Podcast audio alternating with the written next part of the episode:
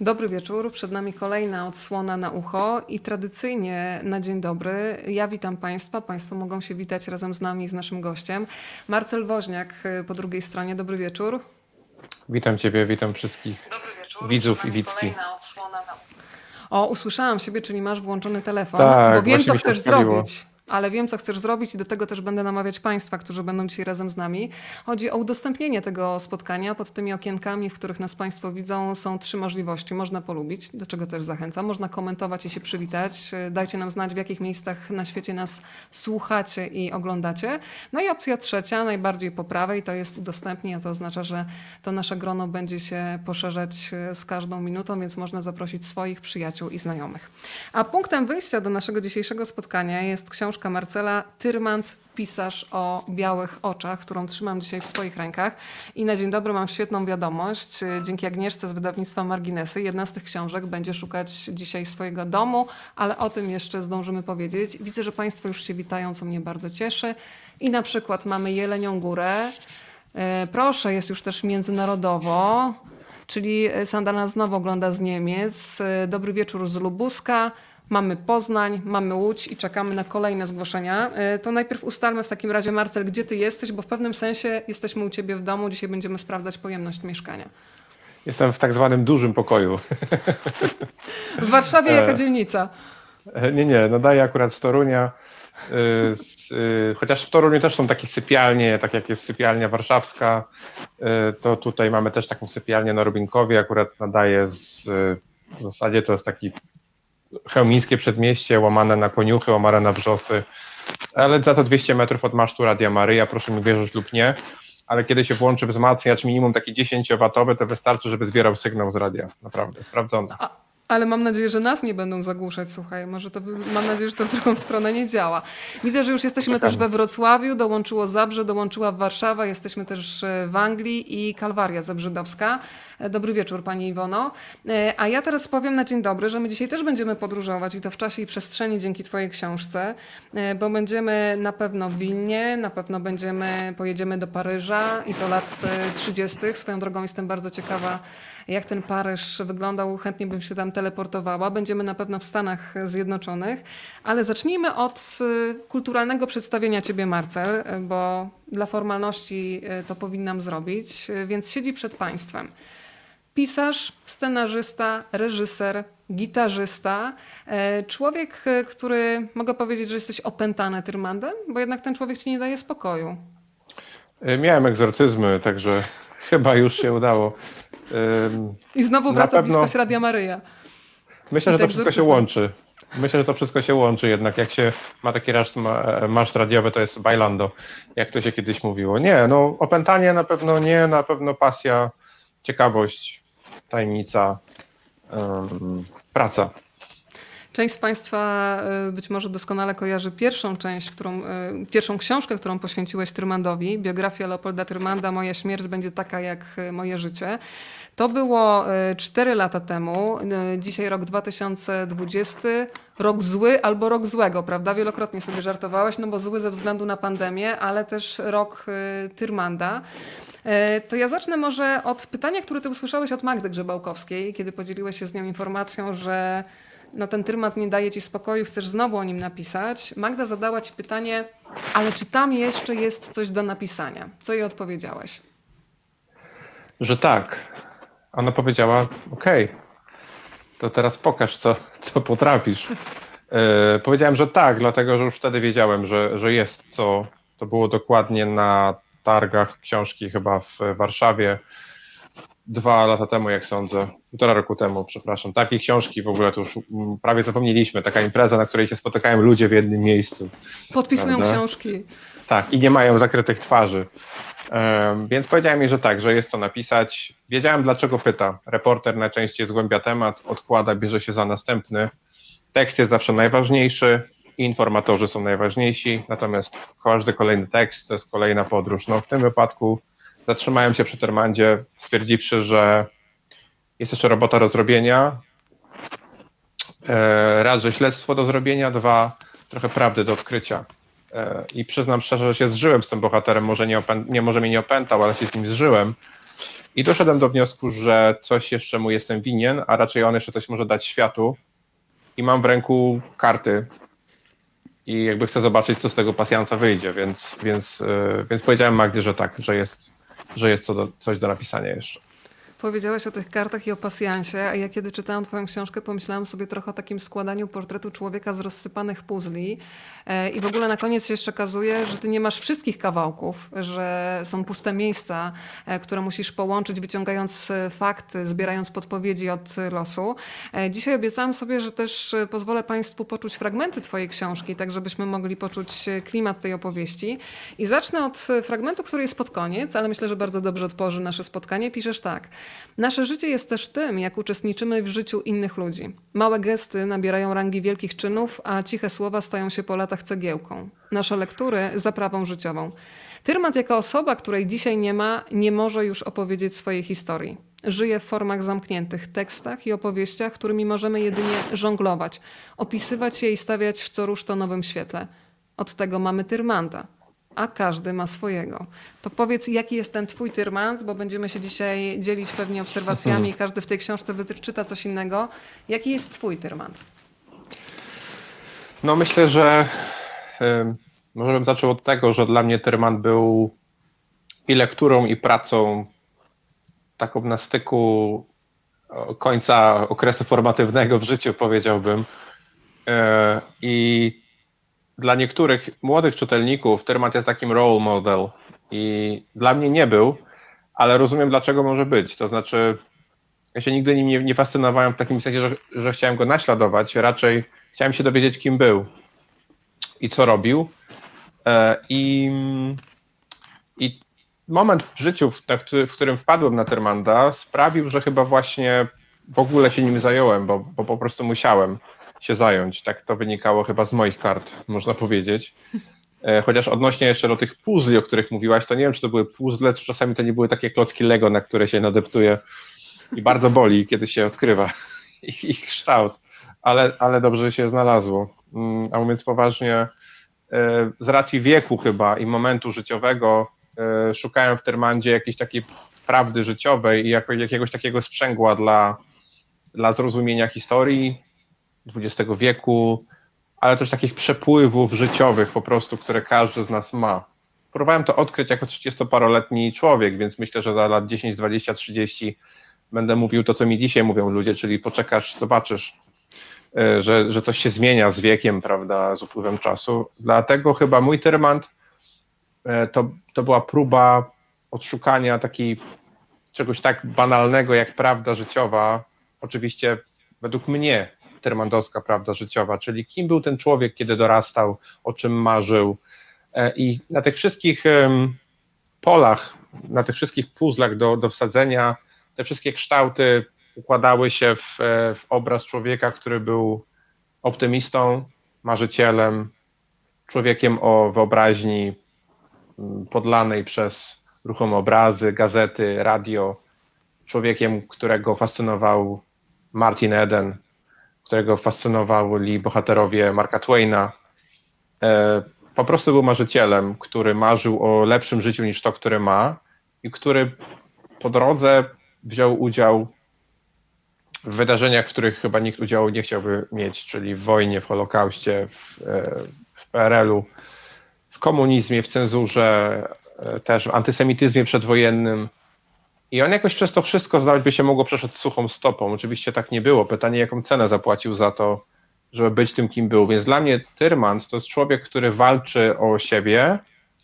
O, o, oczywiście oprócz tego, że jest pisarzem, to jest oczywiste, ale dla mnie Tyrmand jest człowiekiem, który um, zmaga się, powiedziałbym, um, jak bohaterowie tej książki Baumana, tak akurat miałem ją pod ręką. I wydaje mi się, że on tą sztukę życia miał po prostu swoją i bardzo chciał ją opanować po swojemu. I mu się to chyba udawało e, z, e, z, dzięki niezwykle, niezwykłej sile charakteru. I to był wreszcie człowiek, który właśnie Bauman napisał coś takiego, że kiedy godzimy się na to, co nam życie podsuwa, to wtedy możemy mówić o losie, że taki był los, los tak chciał, prawda? Czy może o jakimś fatum nawet z, z greckiej tragedii które może doprowadzić albo do farsy, albo do tragedii. No jedno i drugie jakby nie jest za wesołe, koniec końców. Natomiast Tyrmand zdaje się jednak walczył o przeznaczenie, nie o los, bo Bauman też to rozróżnia. To wtedy, kiedy bierzemy wszystko w swoje ręce i chcemy zmienić kształt swojego życia. Dzisiaj pewnie ludzie by powiedzieli, że to jest jakaś, jakieś mindfulness, e, jakaś numerologia, um, jakiś self-coaching, no nie wiem, jakieś takie rzeczy właśnie z kreowania, od wydobywania swojej wewnętrznej siły, prawda, dzięki, nie wiem, jodze, medytacji, e, gwiazdom, no cokolwiek byle, byle działało, prawda, więc e, dla mnie to jest człowiek, który walczył o swoje szczęście, który był optymistą, co było dużo trudniejsze niż być pesymistą. Taki jest mój Tyrmand jako człowiek przede wszystkim, a dopiero potem jest literatura, polityka i cała reszta. Bardzo nie wiem, czy tutaj e, czytasz komentarze, więc od razu Ci przekażę pierwsze recenzje tutaj podczas naszej rozmowy od Pani Gosi. Lektura świetna, polecam każdemu, zarówno tym, którzy znają bohatera, jak i tym, którzy dopiero chcą rozpocząć spotkanie z nim. Dziś skończyłam czytać. Panie Marcelu, gratuluję i dziękuję. Jesteśmy też, mój drogi, w Nowym Jorku i dzisiaj e, bardzo się cieszę, że Nowy Jork też się odezwał i to klub książki, e, bo ten wątek amerykański w życiu Tyrmanda dzisiaj będzie też oczywiście przedmiotem naszego spotkania. Tak jak obiecałam, dzisiaj będę czytać fragmenty i Marcel, bardzo Ci dziękuję, bo w tej książce jest y, bardzo sprawne operowanie nastrojami, czyli mamy momenty bardzo poruszające, wzruszające, mamy momenty zabawne, tak jak jest w życiu i bardzo Ci dziękuję za takie historie, które mm, pozwalają taką wielką historię, którą znamy z Wikipedii, którą zamykamy w jakieś sztywne ramy, uczłowieczyć. Y, pozwolisz, że przeczytam jeden fragment, który mnie zatrzymał i no i spowodował ciarki na rękach. Narada, której celem miała być zagłada na plan eksterminacji Żydów, trwa półtorej go... przepraszam, narada, której celem miała być zgoda na plan eksterminacji Żydów, trwa półtorej godziny. Plan przewiduje wymordowanie Żydów także w innych krajach Francji, Wielkiej Brytanii. Najpierw jednak mają być użyci jako siła robocza. Ci, którym uda się przeżyć, muszą być traktowani w wiadomy sposób, mówi raport. Każde uchybienie w tej dziedzinie doprowadzić by mogło do odnowienia się żydostwa w Europie. Nikt ze zgromadzonych nie wyraża sprzeciwu. Powstało obozy w Chełmie nad Nerem, Bełżcu, Sobieboże, Treblince II, Oświęcimiu i Majdanku. E, od razu możemy powiedzieć, że w Majdanku stracił życie ojciec e, Tyrmanda. W zasadzie jedno zdanie, to jest takie zdanie, które noszę w sobie bardzo mocno. Nikt ze zgromadzonych nie wyraża sprzeciwu.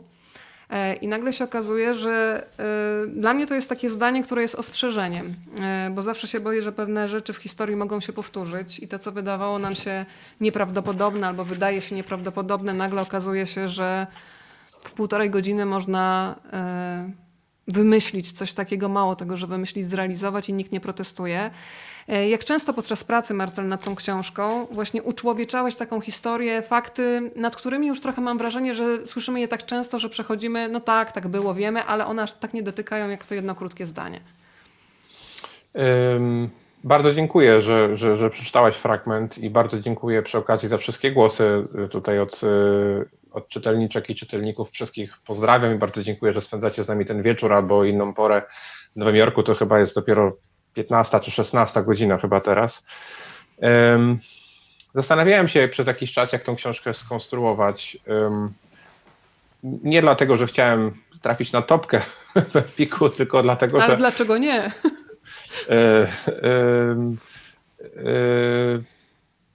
chciałem po prostu tą historię opowiedzieć tak, jak się da najlepiej, żeby czytelniczki i czytelnicy jak najlepiej potrafili spróbowali tego Termanda poznać. Stąd wiele różnych zabiegów e, e, pisarskich, też beletryzujących, e, które no mam nadzieję, że, że przypadły do gustu odbiorcom książki. Mm, ale to nie chodzi tylko o jakieś figury retoryczne, o triki czy, czy jakąś taką akrobację stylistyczną, bo zależało mi na tym, żeby pokazać Termanda, którego już troszkę poznałem przez poprzednie lata, na tle no właśnie, tej małej historii dużej, bo Tyrman co prawda był mm, takim e, ambasadorem, można powiedzieć, chwili. On świetnie odnajdywał się w detalu, potrafił uchwycić e, esencję e, albo zaorać, jak to się mówi, jak trzeba, rzeczywistość, ale przede wszystkim był też świadkiem historii, bohaterem historii, człowiekiem żyjącym na styku epok, który w swoim, w swoim życiorysie jakby objął całą cezurę czasową z tym, co było przed i po, i z punktem granicznym, czyli zahaczył i o w zasadzie jeszcze czasy zaborów, jakby jego historia rodziny, to są jeszcze czasy w zasadzie przed odzyskaniem niepodległości, to jest dwudziestolecie międzywojenne, Warszawa, a kiedy mówimy o dwudziestoleciu, to zawsze mamy w oczach Warszawę przecież, e, mamy wojnę, Holokaust, e, wędrówkę ludów i, i, i te kolejne takie zjawiska i wydarzenia z historii. I a propos tego, że, że historia potrafi być zaskakująco, a czasami morderczo aktualna, no to moja lektura z ostatnich dni e, Juma Kamiego, którą podczytuję sobie i codziennie wrzucam na Facebooku cytaty, z, to jest niesamowite i straszne, a może właśnie takie, jakie ma po prostu być, czyli po prostu prawdziwe.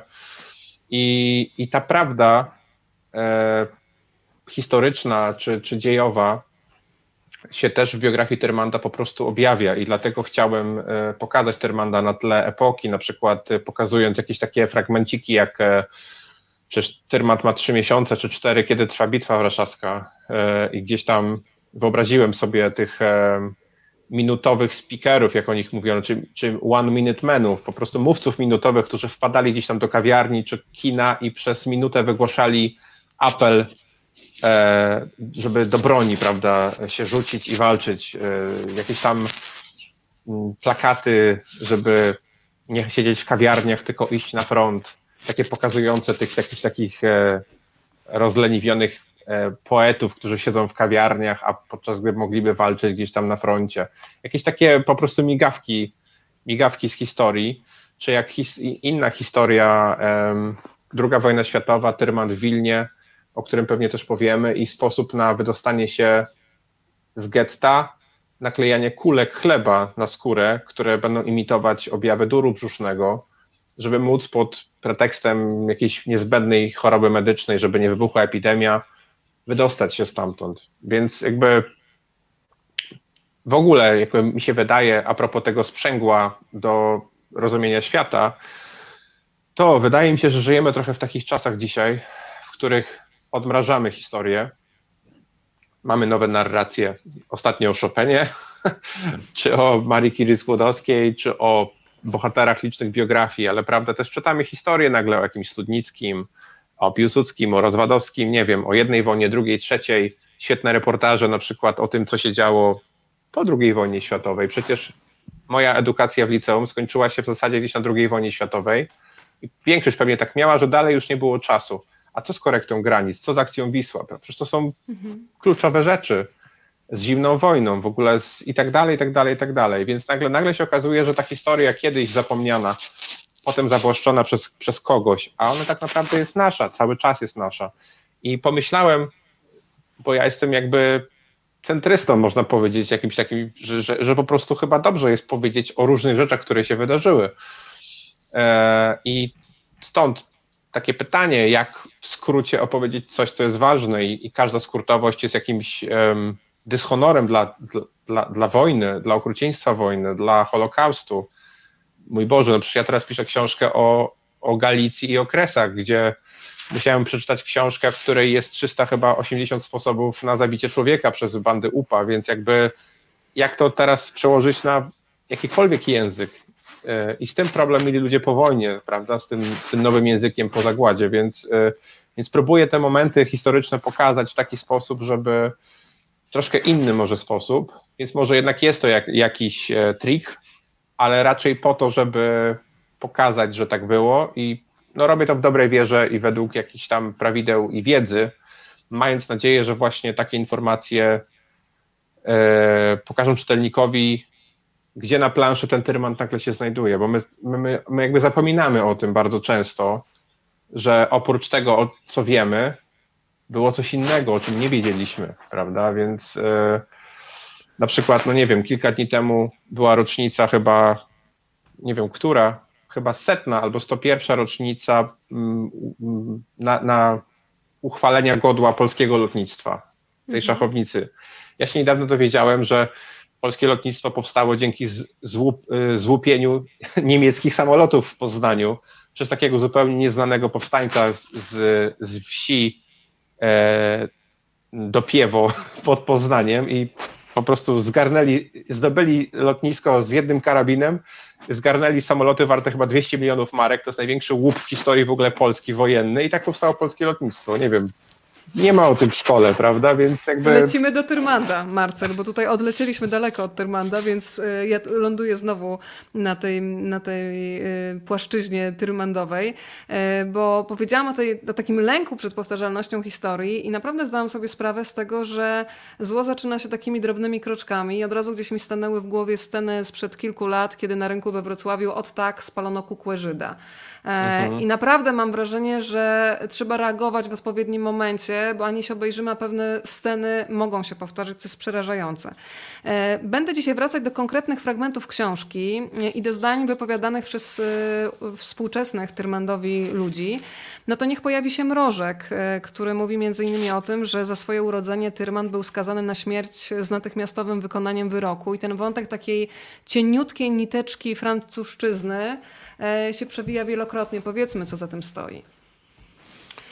No, jakby wszyscy mniej lub bardziej wiemy, jak wyglądały nastroje społeczne w dwudziestoleciu międzywojennym, chociaż też chyba właśnie nie wszyscy pewnie wiemy, jak to było z tym antysemityzmem, falangą. Kto króla ogląda na Kanal Plus, to coś tam zobaczy, jak to, jak to wyglądało.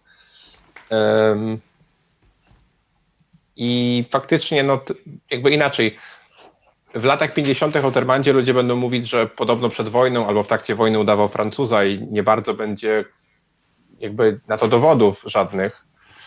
Natomiast faktem jest, że Tyrmand się rodzi jako Żyd z zasymilowanej rodziny, e, jakby ku polskiej kulturze zmierzającej, ale jednak Żyd, e, co jest wyrokiem tak naprawdę. E, jakby nie jesteśmy w stanie, w stanie tego wyobrazić. Nie sądzę, żeby ktokolwiek sobie był w stanie to dzisiaj wyobrazić, E, nam z trudem przychodzi wyobrażenie sobie, jak wygląda, nie wiem, prawdziwa e, epidemia, prawda? A my tu mówimy o wojnie i o Holokauście, więc to jest, e, no dla mnie to jest po prostu niewyobrażalne. I, i w tej całej machinie wojennej Tyrmand faktycznie zmienia swoją tożsamość na, na francuską. Wyrabia sobie lewe dokumenty, bo studiował przed wojną we Francji. To jest też paradoks, że w Warszawie pochody ludzi tych antysemitów, chociaż też jakby są pochody ludzi, którzy bronią. E, są jeszcze PPS-owcy, różne bojówki z różnych stron. Warszawa tak naprawdę płonie, to chyba wiemy, że to jest jakby w ogóle standard w stolicy, że tam wszystko się jakby miesza. E, czyli getta ławkowe, numerus clausus, a Tyrmat jedzie do miasta, w którym odwrotnie zbudowano największy w Europie kampus uniwersytecki, żeby tam wszyscy z całego świata przyjechali. Oczywiście tam też panuje antysemityzm, i to jest w ogóle osobny temat, antysemityzm w Europie w latach 20. i 30., ale faktem jest, że tam Terman poznaje świat i ten język francuski, którego się nauczył, ratuje mu tak naprawdę życie. Terman podczas wojny będzie udawał Francuza, tak jak to się dzieje w najlepszych książkach. Gdzieś tutaj mam człowieka w żelaznej masce, yy, więc yy, po prostu udawał Francuza podczas wojny, ale jeszcze ciekawsze jest to, że nikt o tym nie wiedział po wojnie tak naprawdę. Ludzie w to powątpiewali. I, I, nawet do dzisiaj się o tym mówi jako o takiej troszkę anegdocie. No mój Boże, przecież to jest cholernie poważna sprawa, zmienić tożsamość, prawda? To jest jak w jakimś, nie wiem, filmie szpiegowskim. E, więc jakby a propos tego szczęścia, Terman wziął los w swoje ręce e, i co ciekawe, tak naprawdę wiemy właśnie o tym od Mrożka, z którym przez lata później pisał listy. I, i, i Mrożek chyba najlepiej w ogóle mm, tej kwestii przynajmniej Tyrman rozumiał. Słuchaj, to myślimy równolegle, bo moje oczy się właśnie zatrzymały na konkretnym fragmencie i znowu jest Sławomir Mrożek i jest słowo szczęście i Sławomir Mrożek powiedział coś takiego. Leopold nie miał tak zwanego szczęścia, to hmm. znaczy nic nie przychodziło mu samo, nic nie przychodziło tak, mu tak. łatwo. I faktycznie taka zaciętość, ale myślę o takiej zaciętości w sensie pozytywnej, może powinnam to powiedzieć inaczej. Kiedy myślę o Tyrmandzie, to widzę taką konsekwencję, i takie parcie do celu czasami wbrew wszystkiemu, że odbijasz się, myślę, że każdy z Państwa ma takie doświadczenie, że czasami na czymś mu bardzo zależy, się odbija od ściany i od ściany i są tacy, którzy w pewnym momencie usiądą i powiedzą, dobra, basta, rezygnuję, a on, ja mam wrażenie, że otrzepuje kolana i idzie dalej. Mm, ta konsekwencja, zawziętość, też byś go tak jakoś określił, Tyrmanda? W stu procentach, to jest cały Tyrmand. E, natomiast, e, no właśnie, mi się wydaje, że powstaną jeszcze lepsze książki o Tyrmandzie w przyszłości, bardzo bym chciał.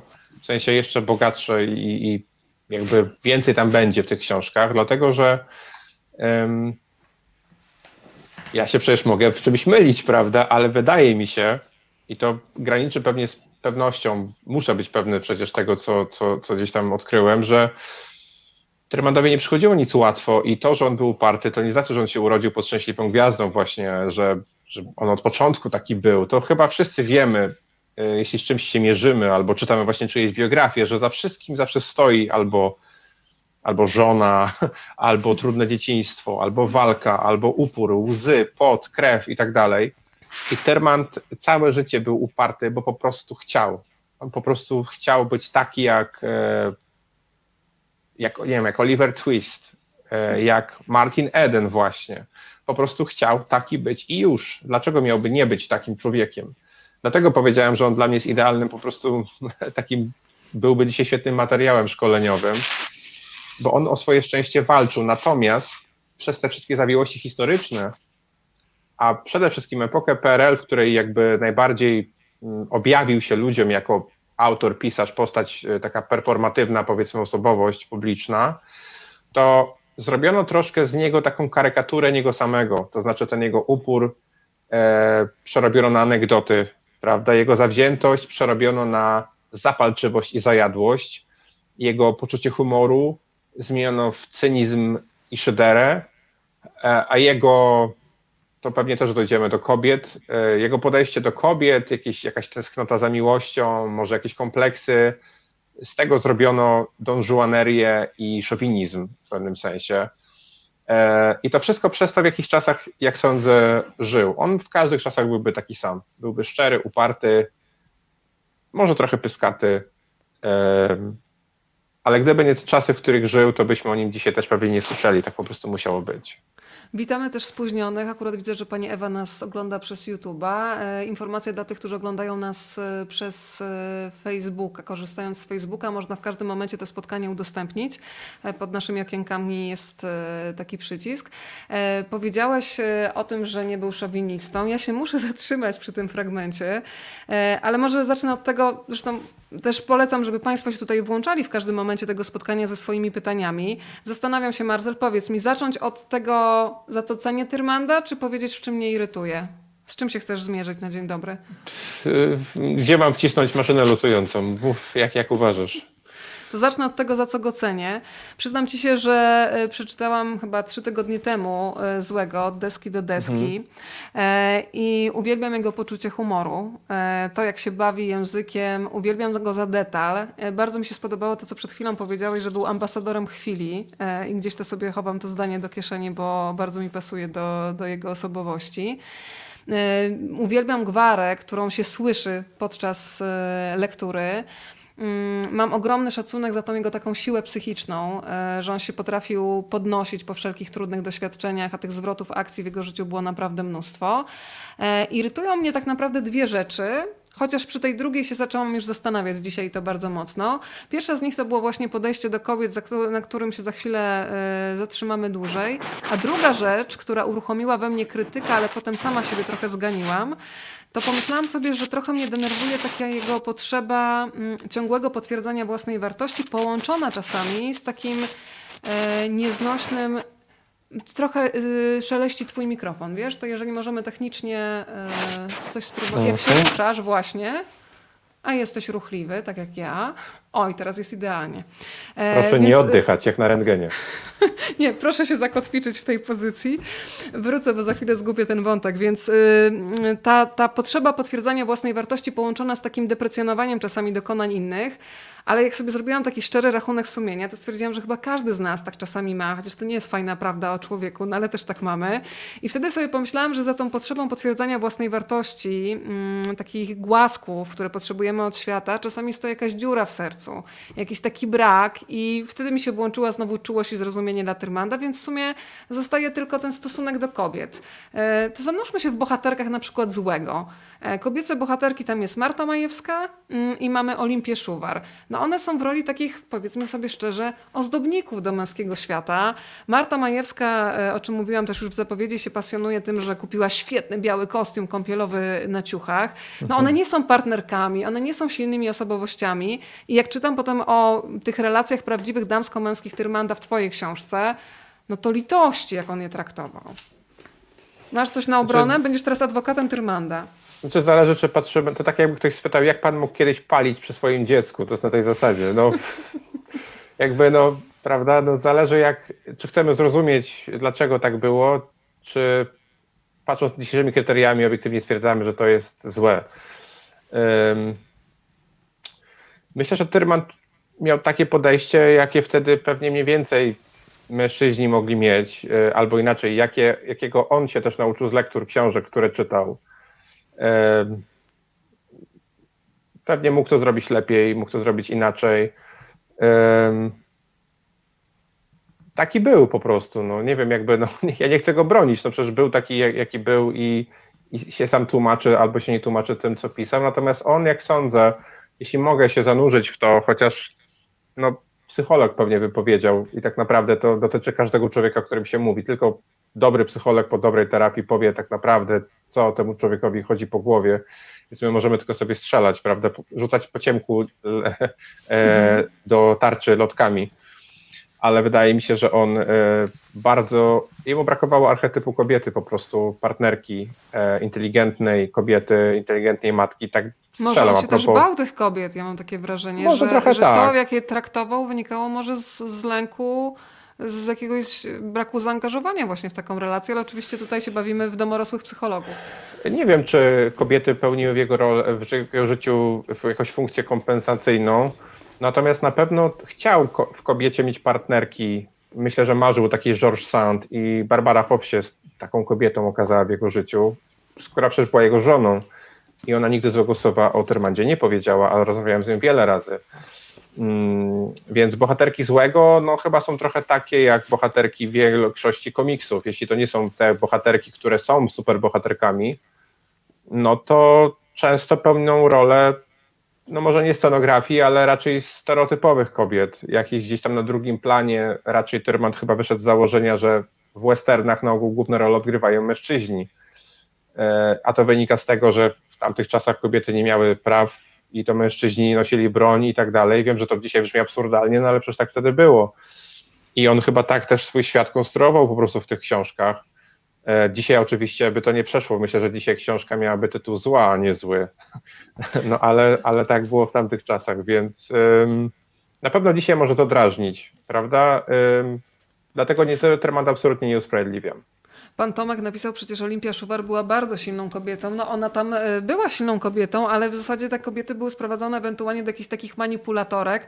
Chociaż no w zasadzie, mm, kiedy rozmawiałam z Dariuszem Piotrowiczem, który jest profilerem i biegłym sądowym i pytałam go, jak często współcześni gangsterzy wpadają przez słabość e, pod tytułem miłość do kobiety, okazuje się, że to się często e, zdarza, gdzie pewna nieuważność właśnie spowodowana przez kobietę. Wydaje nam się, że ci faceci są mocni i nie mają żadnych słabych punktów, że są robotami, a jednak uczucie jest silniejsze. No i faktycznie e, Merynos e, nie wyobrażał sobie jednak życia bez tej Olimpii. Inna sprawa, jak ta relacja między nimi potem wyglądała.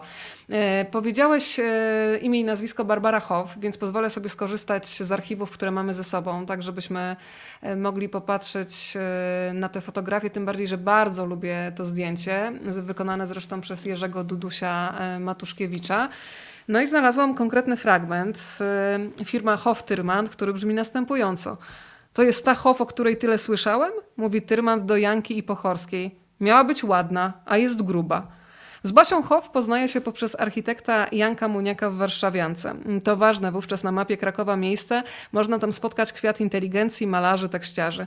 Kiedy Tyrman się jej oświadcza, a robi to już w sumie trzeci raz w ciągu ostatnich czterech lat, ona mówi: Zastanowię się. Wiesz, sporządziłem listę dobrych partii, na której zajęłaś pierwsze miejsce.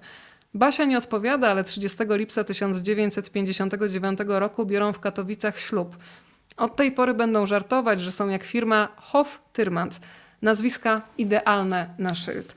E, I powiem Ci, że kiedy czytam moich relacji, to bardzo poruszający jest ten wątek dotyczący choroby e, pani Barbary. Powiedzmy trochę o tym, bo tutaj też Tyrmand e, okazuje się opiekuńczym mężczyzną, takim człowiekiem na chorobę, może niekoniecznie na życie, ale na chorobę tak. To przy okazji pozdrowienia też dla Tomka z Tarnowskich Gór. Jutro mamy tam spotkanie, także będziemy się widzieć. Też fan i badacz Tyrmanda, któremu poświęcił nawet swoją pracę doktorską, także pozdrowienia. Jeśli chodzi o panią Basię, mm, no oni byli równymi sobie zawodnikami, tak naprawdę. Mm, I chyba Tremant marzył o takiej partnerce, tak naprawdę, która fakt była od niego młodsza, ale e, pani Basia jakby, jakby bardzo szybko weszła przede wszystkim w, świat dziennikarstwa, świat mody, bardzo szybko, bardzo wcześnie wiedziała, e, e, czego chce, dostając się do przekroju, um, pisząc o tym, o czym chciała.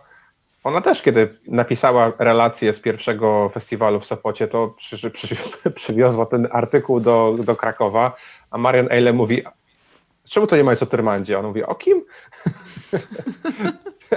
Więc y, no po prostu... Jeden nie, do jednego.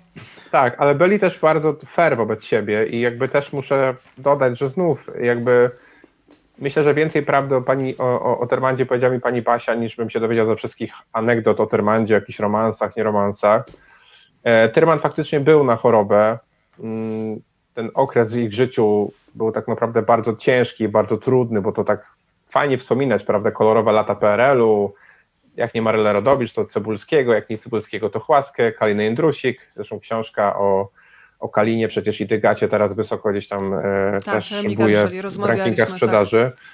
Tak. Mm, natomiast oni mieli tak naprawdę przekichane, bo mieli bardzo wąskie grono przyjaciół. E, wiele osób, jak się okazało, bardzo wiele osób z takiego najbliższego kręgu przyjaciół po prostu na nich donosiło, kablowało przez lata, napuszczało na nich służby, mieli Ty piszesz o tych podsłuchach w ścianie, które po prostu była cała potem przy okazji remontu zryta ściana i okazuje się, że te podsłuchy były prawie wszędzie. Tak, Kable. no po prostu trudno sobie to wyobrazić, prawda? Mieć podsłuch w telefonie, w ścianie. E, Przecież Terman pisze taką sztukę teatralną, w której bohaterowie się śmieją, że mają podsłuch w gałce na, przy łóżku, a rzeczywiście ma naprawdę podsłuch w mieszkaniu. E, wreszcie ta choroba, rak sinianki, kuracja potrzebna po, po, po, operacji, nagle się okazuje, że ministerstwo nie wyda paszportu pani Basichow, prawda? Tyrman zdesperowany nawet wysyła prośbę o wystawienie wróżby do astrolożki w Stuttgarcie, o to, co z nimi dalej, co z nimi dalej będzie. E, nie odstępuje Basi na krok, e, robi wszystko, żeby jej pomóc, walczy o nią. Nawet mi się wydaje, że nagina swoje zasady, żeby załatwić jej paszport, e, żeby mogła jednak wyjechać.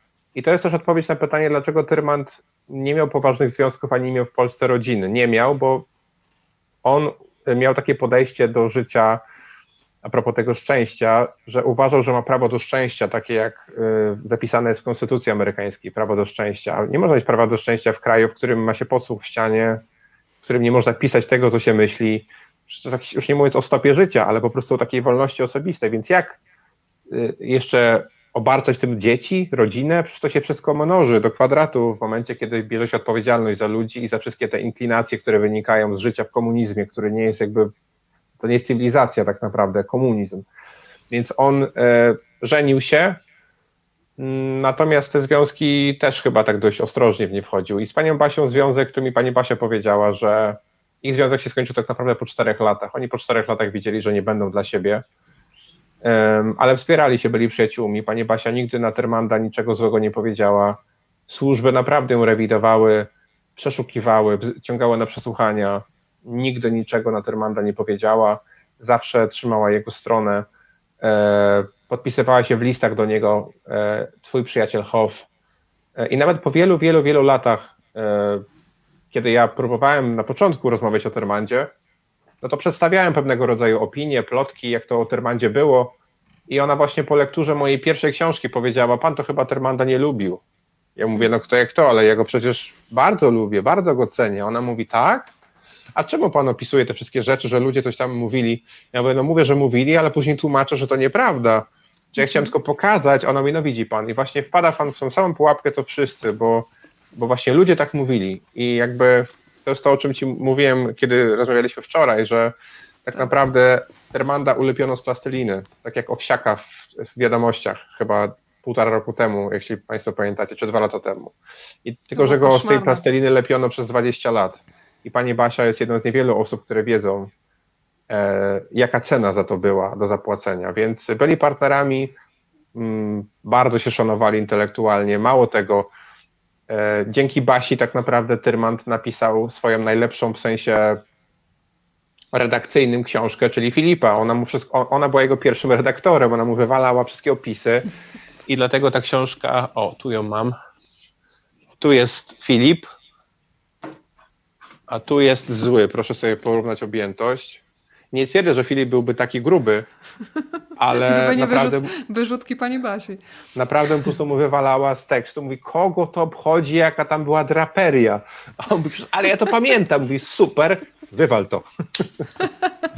No ale skoro wyjąłeś tego złego, to w pewnym sensie e, wyjąłeś też swoje, swój przyrząd e, fizjoterapeutyczny.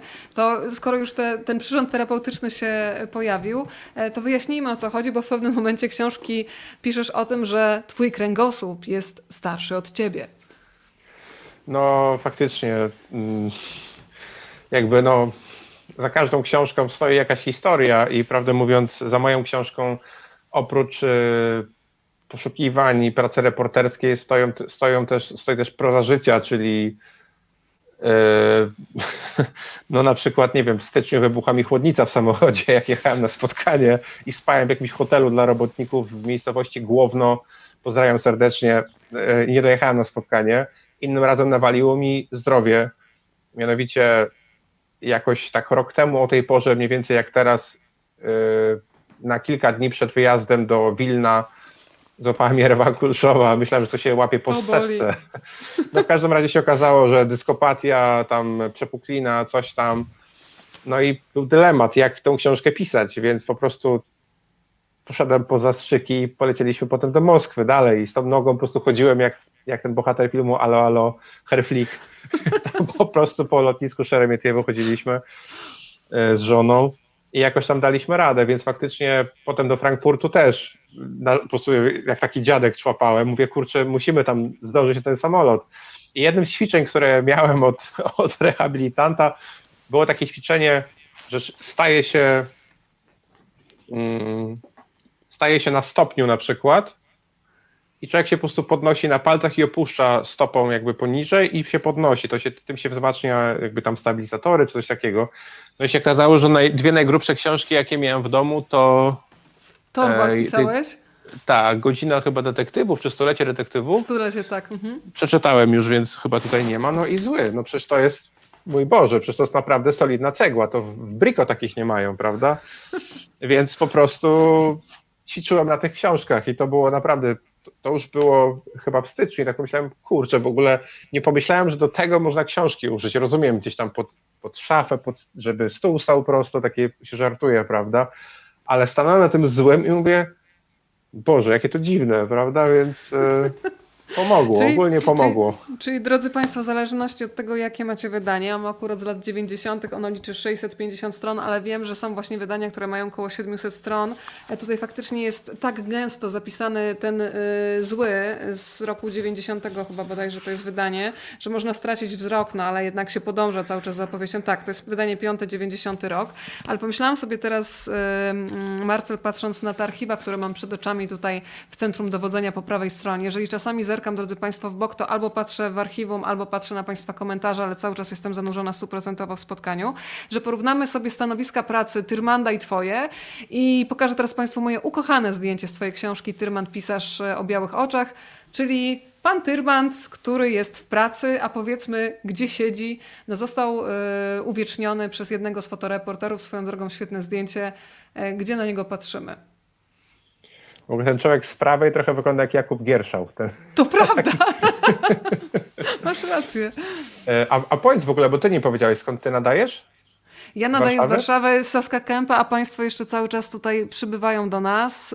Yy, Można się cały czas meldować i udostępniać. Przypominam to spotkanie. Widzę, że cały czas jest nas coraz więcej, więc cieszę się, Tam że widziałem w też wielu domach... pozdrowienia z, ze Stalowej Woli, w której też był niedawno festiwal Tyrmanda, także tam też pozdrowienia dla Domu Kultury i dla wszystkich czytelniczek i czytelników. To zdjęcie, które pokazujesz, też je bardzo lubię.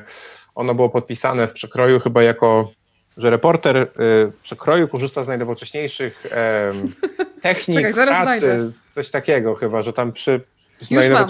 Mam, cytuję ciebie, cytuję ciebie z, z archiwów oczywiście. Umieszczone w gazecie zdjęcie podpisano. Korespondent przekroju posługuje się najnowocześniejszymi metodami pracy. Niedostępna maszyna budzi zaciekawienie na trybunach.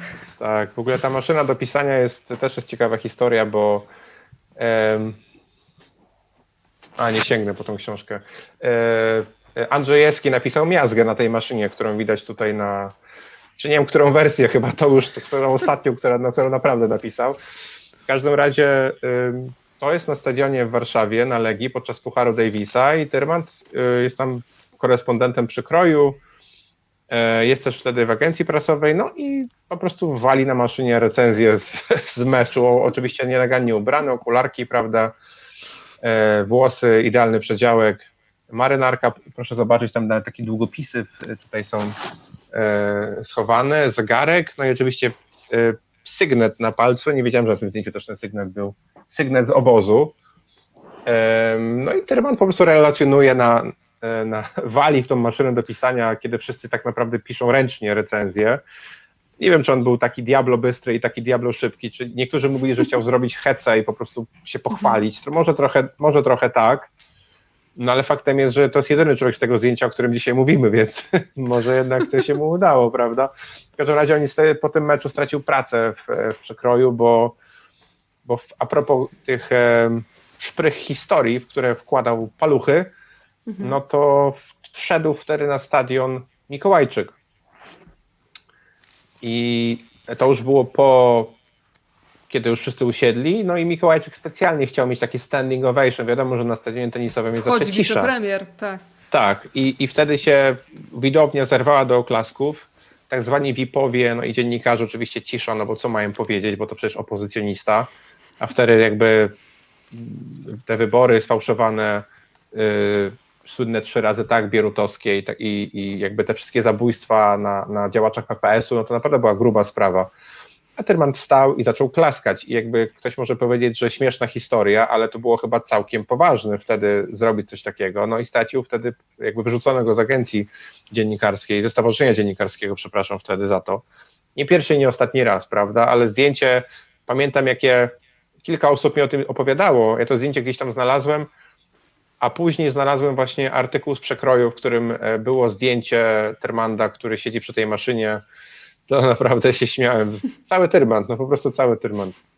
Ja sobie w ogóle wyobrażam tą publiczność. Zresztą mam starą maszynę tutaj w domu niedaleko i to naprawdę jest taki dźwięk, że na miejscu tych współtowarzyszy jego bym była wściekła, że ktoś taki koło mnie siedzi wtedy. Jak karabin po prostu, no. Tak, ale tam e, relacjonował e, Puchar Davisa. No to jeszcze pokażę Państwu kolejne zdjęcie z archiwum Mary Allen, e, Tyrmand, gdzie Tyrmand w latach 50. gra w tenisa, a swoją drogą powiem Ci Marcel, że kompletnie inaczej po Twojej biografii myślę o złym, bo tam jest tyle takich elementów, w których można odnaleźć fragmenty Tyrmanda, jego fascynacji.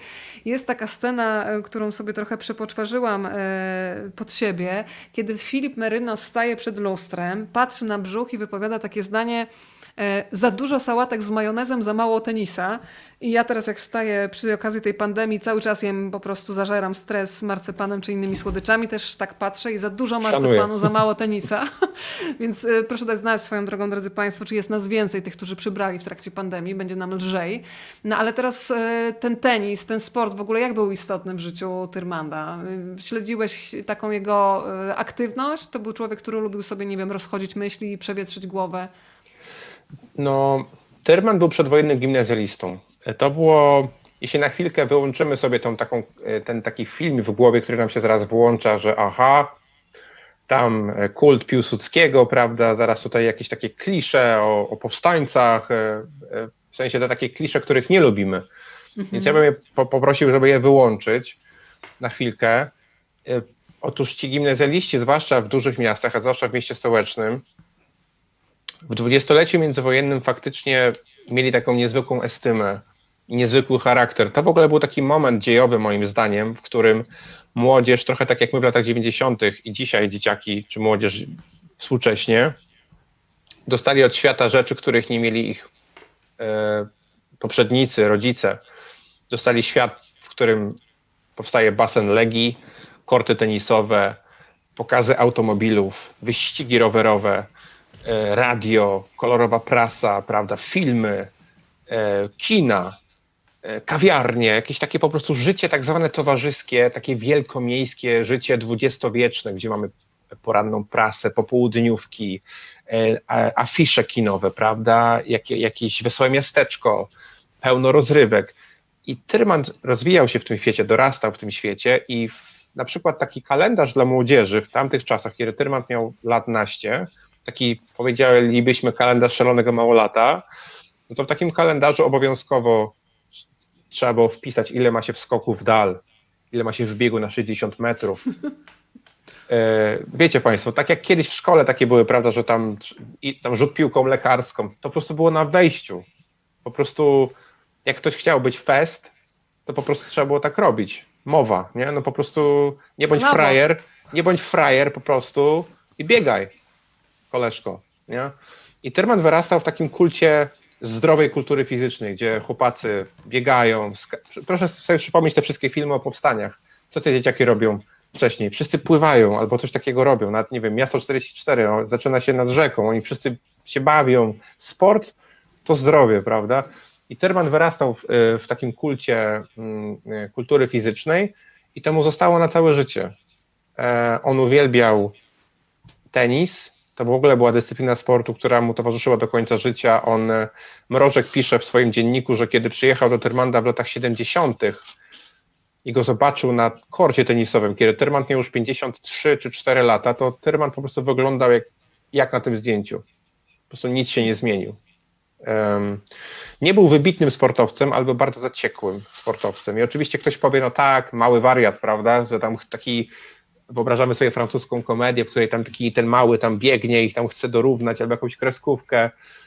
Pewnie to bywało zabawne, ale to też chyba jest tak, że tak zawsze tak łatwo powiedzieć o kimś, że startował w kategorii kucyków, jak to ktoś kiedyś o Termandzie powiedział. E, ale to powiedział człowiek, który był zatwardziałym mhm. komunistą i Termanda nienawidził, więc nie wiem. No tak. W każdym razie Termand lubił hokej, tenisa, koszykówkę. Uwaga, w 1938 roku był mistrzem akademickim Paryża jako rozgrywający. W hokeju najbardziej lubił grać na skrzydle, tak jak Zbyszek, który się kocha w Marcie Majewskiej w, w Złym.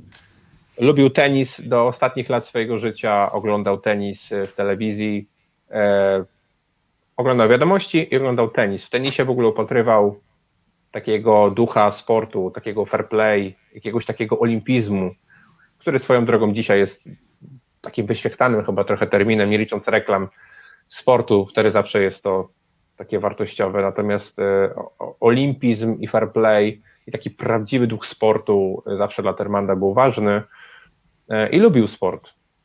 Aż dziwne, że zmarł na zawał serca, prawda, i wysoki cholesterol, skoro takim był sportowcem. Pani Ewa mówi, mówiliście o maszynie do pisania. Ja chciałabym zapytać, czy są jeszcze pisarze, którzy zamiast komputerów korzystają z pióra, może maszyny. Dźwięk odstrasza, ale maszyna do pisania ma swoją duszę. Pani Ewo, ja polecam spotkanie z Michałem Nogasiem. Tam mówimy konkretnie z imienia i nazwiska o takich pisarzach, e, którzy nie mają do tej pory e, komputera i naprawdę potrafią dyktować albo pisać na maszynie, dawać komuś potem do przepisywania. Więc polecam też e, to spotkanie. No to zajmijmy się jeszcze poczuciem humoru. Jeżeli chodzi o złego, ja uwielbiam ten fragment, zresztą bardzo mi się podoba postać Kubusia Wirusa. Mm, taki młody dziennikarz, zapalony, inteligentny, z Martwy. takim wdziękiem. No, tak się kończy niestety życie, może za brawurowe było, ale naprawdę jakąś mam ogromną słabość. No i tam jest taki motyw, nie wiem, na pewno pamiętasz, kiedy jest Hawajka w, w jednej z knajp, z barów w zasadzie, która no, jest niewykształcona, ale imponuje jej ten mężczyzna, który ma taki urok osobisty i tak pięknie opowiada. I tam pada takie zdanie, niech pan powie, czym pan jest. Introligatorem? Mówi pan jak z książek. To jest tylko jeden z przykładów oczywiście e, poczucia humoru Tyrmanda.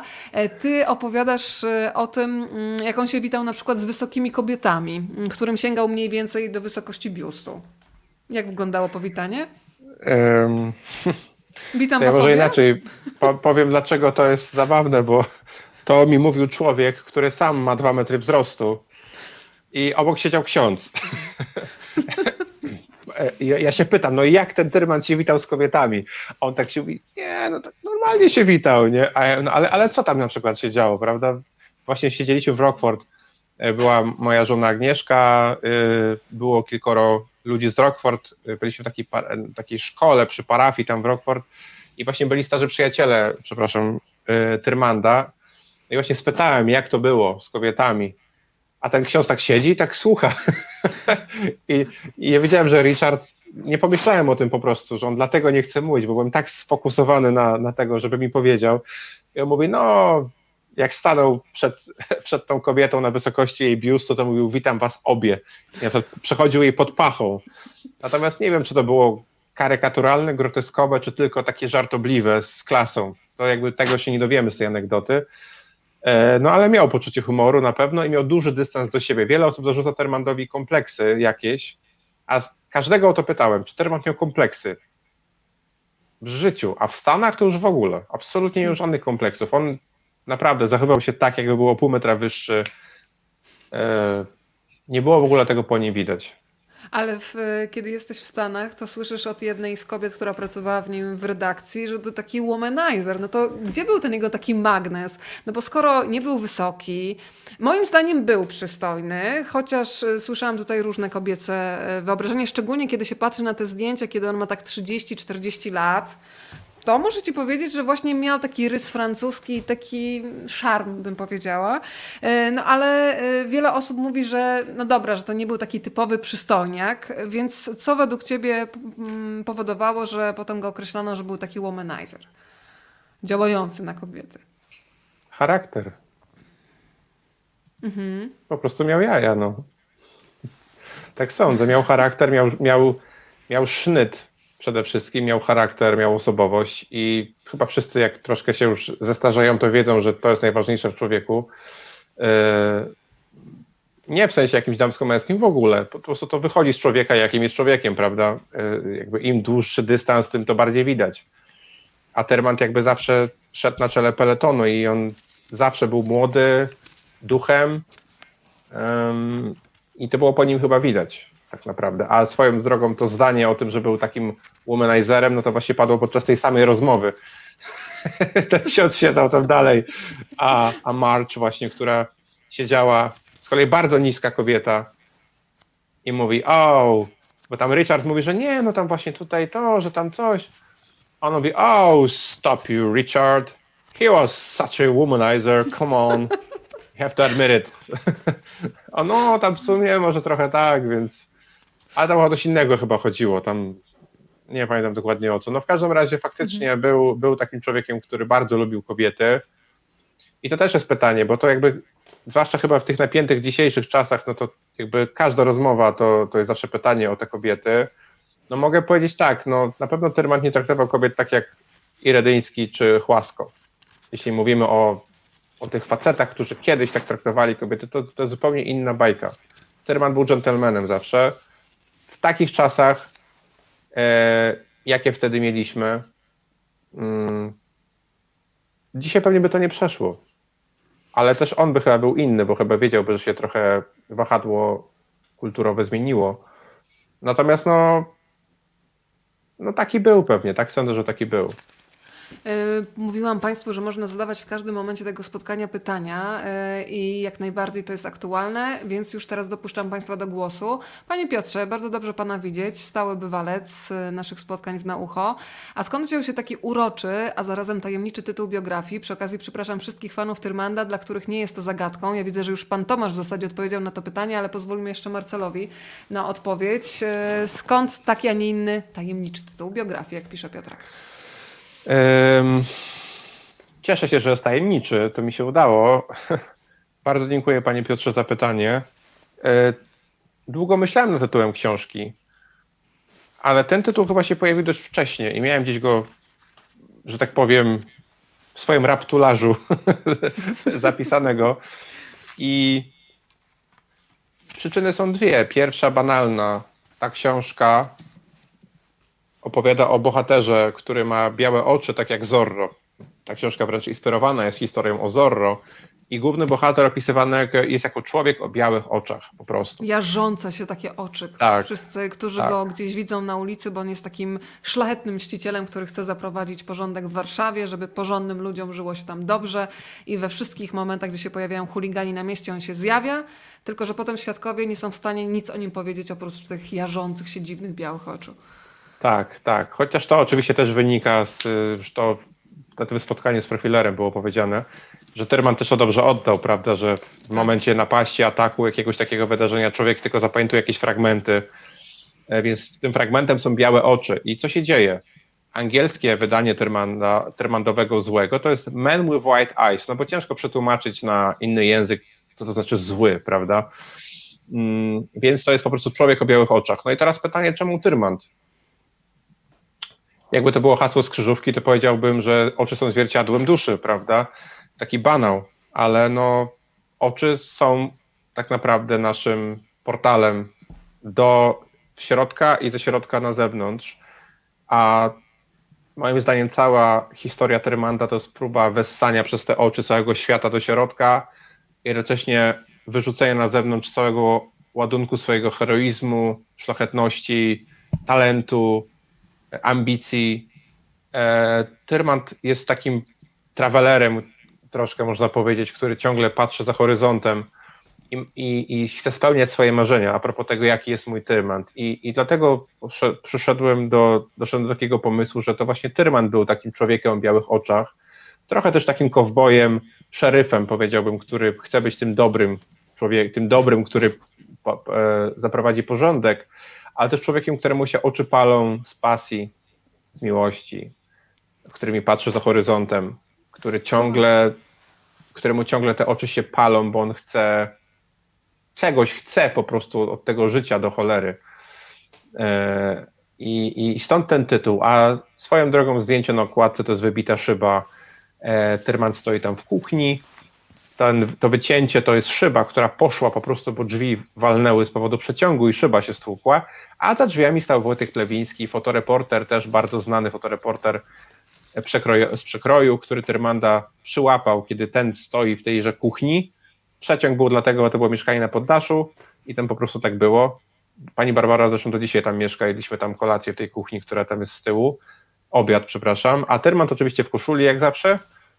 E, I w kuchni, w której dobrze się czuł, uwielbiał gotować. Słuchaj, pojawiło się zdjęcie w samochodzie. Jedziemy dalej z pytaniami od widzów, tak sobie pozwoliłam teraz na takie połączenie wątków.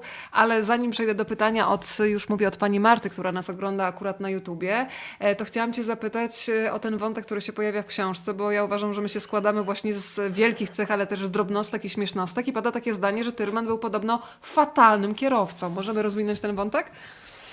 No, faktycznie. Wiele osób mówiło, że nie był za dobrym kierowcą. Ale też pytanie, no ja nie wiem, czy ci ludzie mieli samochody, skoro tak mówili, czy nie było w tym trochę zazdrości. Bo znowu, a propos, e, a propos tworzenia historii, no i tych puzli. O, dobra, to mamy dwie anegdoty na temat samochodu. Jedną opowiadał e, e, Hertz, drugą opowiadał Kisiel, trzecią opowiadał Najder. No to już mamy o samochodach coś, prawda? No ale to są tylko anegdoty, jaka była prawda. No wiem, wiem, wiem, że Tyrman faktycznie, kiedy kupił auto, to kiedyś zdarzyło mu się jechać z hamulcem ręcznym przez miasto i myślał, że się wszyscy za nim oglądają, e, bo ma auto i faktycznie tak było, bo samochodów wtedy prawie nie było, a już na pewno nie Fiatów 500 czy Opli, ale no przede wszystkim patrzyli, bo mu się dymił z bębnów, bo tam miał za, za, za, zakleszczone te, te bębny hamulcowe. Natomiast wiem, że Tyrmand potrafił e, w 1965 roku wyjechać przez Polski, objechać tym samochodem, którym nie wiem, czy były pasy bezpieczeństwa przecież, całą Europę samemu i wszędzie trafić do celu. I ten samochód na końcu oddać, dla tych z Państwa, którzy nie wiedzą, w 1965 roku Tyrmand wyjechał z Polski, nigdy nie wrócił i wyjechał samochodem. Objechał Hiszpanię, Włochy, Francję, Niemcy, wszystkie możliwe kraje, wszędzie załatwił swoje sprawy, nawet był w Jugosławii, a potem samochód oddał do serwisu Opla w Niemczech. Naprawili wszystko, wymienili wszystko, co trzeba i samochód wysłał do Polski żonie. Po prostu oddał jej to auto, a sam poleciał do Izraela, do swojej mamy. E, słuchaj, pojawiamy się też w Norwegii. Ja myślę, że to idealnie się tutaj splatają historie. Mówiliśmy, rozmawialiśmy sobie z Marcelem trochę wczoraj e, przed naszym e, spotkaniem o jakiejś takiej wymianie energii pomiędzy ludźmi. Ja też wierzę w to, że po śmierci ludzi ta energia zostaje zamknięta w ich książkach i tekstach. I teraz też mam wrażenie, że Państwo się też odzywają z takich miejsc na świecie, gdzie być może bywał też Tyrman, bo byliśmy już w Stanach. Za chwilę pojawi się bardzo mocny, ważny moment z, związany z Norwegią. Pani Małgosia pisze, każda książka jakąś historię. Pozdrawiam z Norwegii. Mam norweskie wydanie Złego z 59 roku, zdobyte kiedyś w antykwariacie w Oslo. Uczyłam się, można powiedzieć, norweskiego na tej książce, zafascynowana polskimi realiami przebranymi w norweskie słowa. Zabawne i ciekawe jest to, że tytuł w tłumaczeniu pozostał oryginalny, tyle tylko, że oczywiście bez polskiej litery E. Też gruba książka, ale jedynie 383 strony. E, to Marcel, w taki naturalny sposób przenieśmy się do Norwegii. E, bardzo trudny moment życia Tyrmanda. No ta Norwegia z Termandem tak naprawdę miała zostać na całe życie. E, mówiliśmy tutaj o tym, że Termand miał na palcu sygnet, więc może uda się jakieś zdjęcie wrzucić takie właśnie, na którym ten sygnet ma. Chyba na wszystkich Szukam zdjęciach sygnetu. ma ten sygnet. E, skąd ten sygnet? Termand, e, jak już wiemy, wychował się w Warszawie, studiował w Paryżu, wrócił do Polski, wybuchła wojna. Potem wylądował na Litwie, gdzie działał w konspiracji. Trafił tam do obozu, znaczy, przepraszam, trafił tam do do więzienia na Łukiszkach i stamtąd miał trafić na Syberię, ale uciekł z tego transportu e, z wyrokiem tak naprawdę NKWD-owskim w kieszeni. Uciekł z transportu, bo, bo Niemcy zaatakowali Rosjan. Paradoks, prawda? Naziści uratowali Żyda. No to on jakby w podziękowaniu e, zmienił tożsamość na Francuza i wyjechał do Niemiec. O czym już mówiliśmy. Wyjechał do Niemiec, żeby, żeby Mm, wyjechał do tak? Niemiec, żeby, żeby być tam kelnerem, a później stamtąd uciekł do, Niem do Norwegii. Popłynął statkiem do Norwegii. E, w zasadzie miał nadzieję, że wyląduje w Szwecji, neutralnej Szwecji, no ale statek zmienił e, kurs. Terman wylądował w Norwegii. Tam próbował się zahaczyć do ruchu oporu, został aresztowany i trafił do obozu w Grini pod Oslo. Tam jest teraz muzeum obozowe a w więzieniu, które tam wtedy było, siedzi między innymi dzisiaj Breivik, z tego co wiem. E, natomiast w tej Norwegii wcale Tyrmand miał lekko w tym obozie. To był obóz pracy, tam więźniowie zajmowali się między innymi rozminowywaniem pól, e, jedli jakieś śmieci. Mm, Terman przetrwał te parę miesięcy w tym obozie. Niedługo potem wojna się skończyła. Terman wtedy już pracował w Czerwonym Krzyżu ale byli obozowicze na pamiątkę, zatrzymali właśnie te sygnety na palcach. Co ciekawe, Tyrman w tym obozie poznał wielu polityków, między innymi późniejszego trzykrotnego premiera Norwegii, z którym siedział sobie tam. Nie byli jakimiś tam wielkimi ziomami, jak to się mówi, ale się znali. I co ciekawe, pierwszy artykuł Tyrmanda w ogóle ever w polskiej prasie, no, powojennej prasie polskiej, to jest artykuł o stosunkach polsko-norweskich właśnie. Jest jego pierwszy w ogóle tekst w polskiej prasie, właśnie o stosunkach polsko-norweskich. I Tyrmand e, tak naprawdę bardzo sobie zawsze cenił e, kontakty ze Skandynawią, tak jak w ogóle swoją historię, a propos jak Państwo mówią o Martinie Edenie i Jacku Londonie, no to Tyrmand został marynarzem, właśnie jak Martin Eden, który później był pisarzem, więc wszystko się zgadza. A ta Skandynawia mu została na lata, znał języki, e, to jest niesamowite w ogóle, jak on się szybko potrafił tych języków uczyć. Jakieś na początku raporty prasowe nawet stworzył, w sensie co w Norwegii piszą o Polsce i tak dalej. Mm, I przyjechał w ogóle do Polski po wojnie. W ogóle jego, jego, jego peregrinacja wojenna się skończyła tak, że został wysłany do Polski z Norwegii, w zasadzie z Kopenhagi dokładniej, bo tam było poselstwo polskie, a nie było w, e, w Oslo, żeby pomóc w repatriacjach e, jeńców z Norwegii do Polski. Dostał przepustkę, bilet na samolot i tak przyleciał do Polski. E, I tak miał wkrótce spotkać swoją mamę przyjaciół nielicznych i zacząć tak zwaną swoją polską przygodę, polską historię, tę, która go wkrótce doprowadzi do tej maszyny do pisania na stadionie, a później do napisania y, dziennika czy złego. Cały czas śledzę też e, Państwa komentarze. Ty powiedziałeś o tym powrocie do Warszawy w 1945 roku, więc za chwilę kolejny fragment, a ja sprawdzę, o, bo Państwo zauważyli sygnet, to na chwilę wrócę z tym zdjęciem, bo wszyscy się skoncentrowali na sygnecie, ale chyba nie zauważyli, w jakim towarzystwie jest tutaj na tym zdjęciu e, Tyrmand. To jest, z tego co pamiętam, Międzynarodowy Kongres Intelektualistów we Wrocławiu, tak? Tak, tak, 48 rok. Pablo Picasso, członek francuskiej partii komunistycznej, wówczas zaproszony na ten kongres, podobnie jak Szołochow, Irena Curie i wielu innych wybitnych myślicieli, naukowców. Sowieci, jak wiadomo, zwyciężyli Wielką Wojnę Ojczyźnianą, nie drugą wojnę światową, tylko Wielką Wojnę Ojczyźnianą, jak wiadomo, bo II wojny światowej nie było. E, Pokonali faszystów i teraz głoszą na świecie pokój. Gołębie czeka, już czekają, żeby wzbić się do lotu, gołębie pokoju. E, No i tam liczni właśnie y, różni decydenci, gwiazdy, celebryci, artyści, tacy właśnie jak Picasso, Tyrman tutaj tak naprawdę z tej sytuacji są chyba trzy zdjęcia z tego spotkania, z czego jedno miałem ja, drugie było w Stanach, a trzecie było w Belgii. Nie wiem jak w ogóle one się, że tak powiem, tam znalazły. To też jest ciekawe. Jakby jedna seria zdjęć i Pablo Picasso, z którym też Tyrman przy- przeprowadził w ogóle ciekawy wywiad e, do, do gazety. Ten język francuski mu pomógł, bo było jakby, prawda, od razu nie musiał tłumaczyć sobie niczego w Google, tylko od razu mógł z nim porozmawiać. Okulary, krawat, no i oczywiście sygnet na palcu obozowy, który będzie mu towarzyszył przez całe życie. Ja polecam, żeby się Państwo przyjrzeli dokładnie temu zdjęciu. E, Mam duży monitor, więc może widzę to wyraźniej, ale Państwo na pewno też widzą. Proszę porównać, jak wygląda koszula pana Pabla Picassa, jak wygląda koszula Tyrmanda. Super Kołnierzyk. elegancki kołnierzyk właśnie u Tyrmanda. E, marynarka widać, że pięknie skrojona, super krawat, koszula porządnie włożona w spodnie. No a tutaj no, pan Pablo taki trochę, ja nie wiem, trochę jak wczorajszy, z tym krawatem, ta koszula, ten kołnierzyk to w ogóle już taki... Taki trochę Więc- nieprzesiadalny. No taki trochę. Więc e, to są takie detale, na które warto zwrócić uwagę. Archiwum Mary Allen Tyrman cały czas będę powtarzać. Bardzo dziękujemy za te zdjęcia, które Państwo znajdą w książce. Zakończyłeś, Martel, wcześniej swój e, wątek opowieści na roku 45. E, Zacytuję Państwu ten fragment, który część z Państwa być może już słyszała w zapowiedzi, ale myślę, że on jest mocny i znowu pokazuje takie miasto, do którego się wraca, a miasto, którego prawie nie ma. 1945 rok. Warszawy nie ma. Jej widok sprawia, że Tyrmandowi pęka serce, choć jednocześnie łomocze na zmianę ze szczęścia i bólu. Bo choć zostały tu niemal same cegły, dusza nie opuściła tego miejsca. Z dzielnicy żydowskiej zostały gruzy. Jedyne, co przetrwało, to kościół świętego Augustyna, tory tramwajowe i mirabelkowe drzewo, którym kiedyś Cezary Harasimowicz napisze książkę.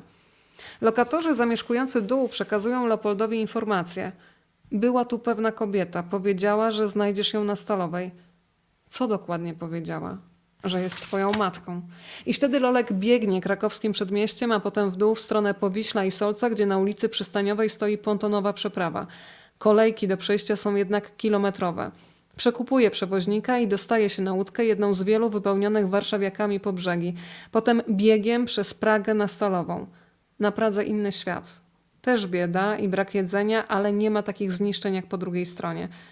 Na Stalowej 2 Maryli już nie ma. Podobno w Łodzi, u Herszkowicza. Podają adres, Lolek jedzie i odnajduje ją. Robią pamiątkowe zdjęcie. Na jego rewersie Leopold pisze po raz pierwszy od sześciu lat razem. Na pamiątkę tej chwili. To powiedzmy trochę, mm, na pamiątkę tej chwili oczywiście mamy datę, to jest y, podpis Syn, Łódź, y, 3 września 45 Września, roku. Września, tak. E, Powiedzmy o tych relacjach z rodzicami, z ojcem i z matką. W pewnym momencie mm, tej opowieści Tyrmand pisze, że jedyny żal, jaki może mieć do rodziców, to o, brat, o brak takich, e, on chyba nawet używa słowa, podniet intelektualnych. Że on w zasadzie otwiera swoją głowę, swoją wyobraźnię dzięki książkom. Wchodzi mm, w kompletnie inne światy.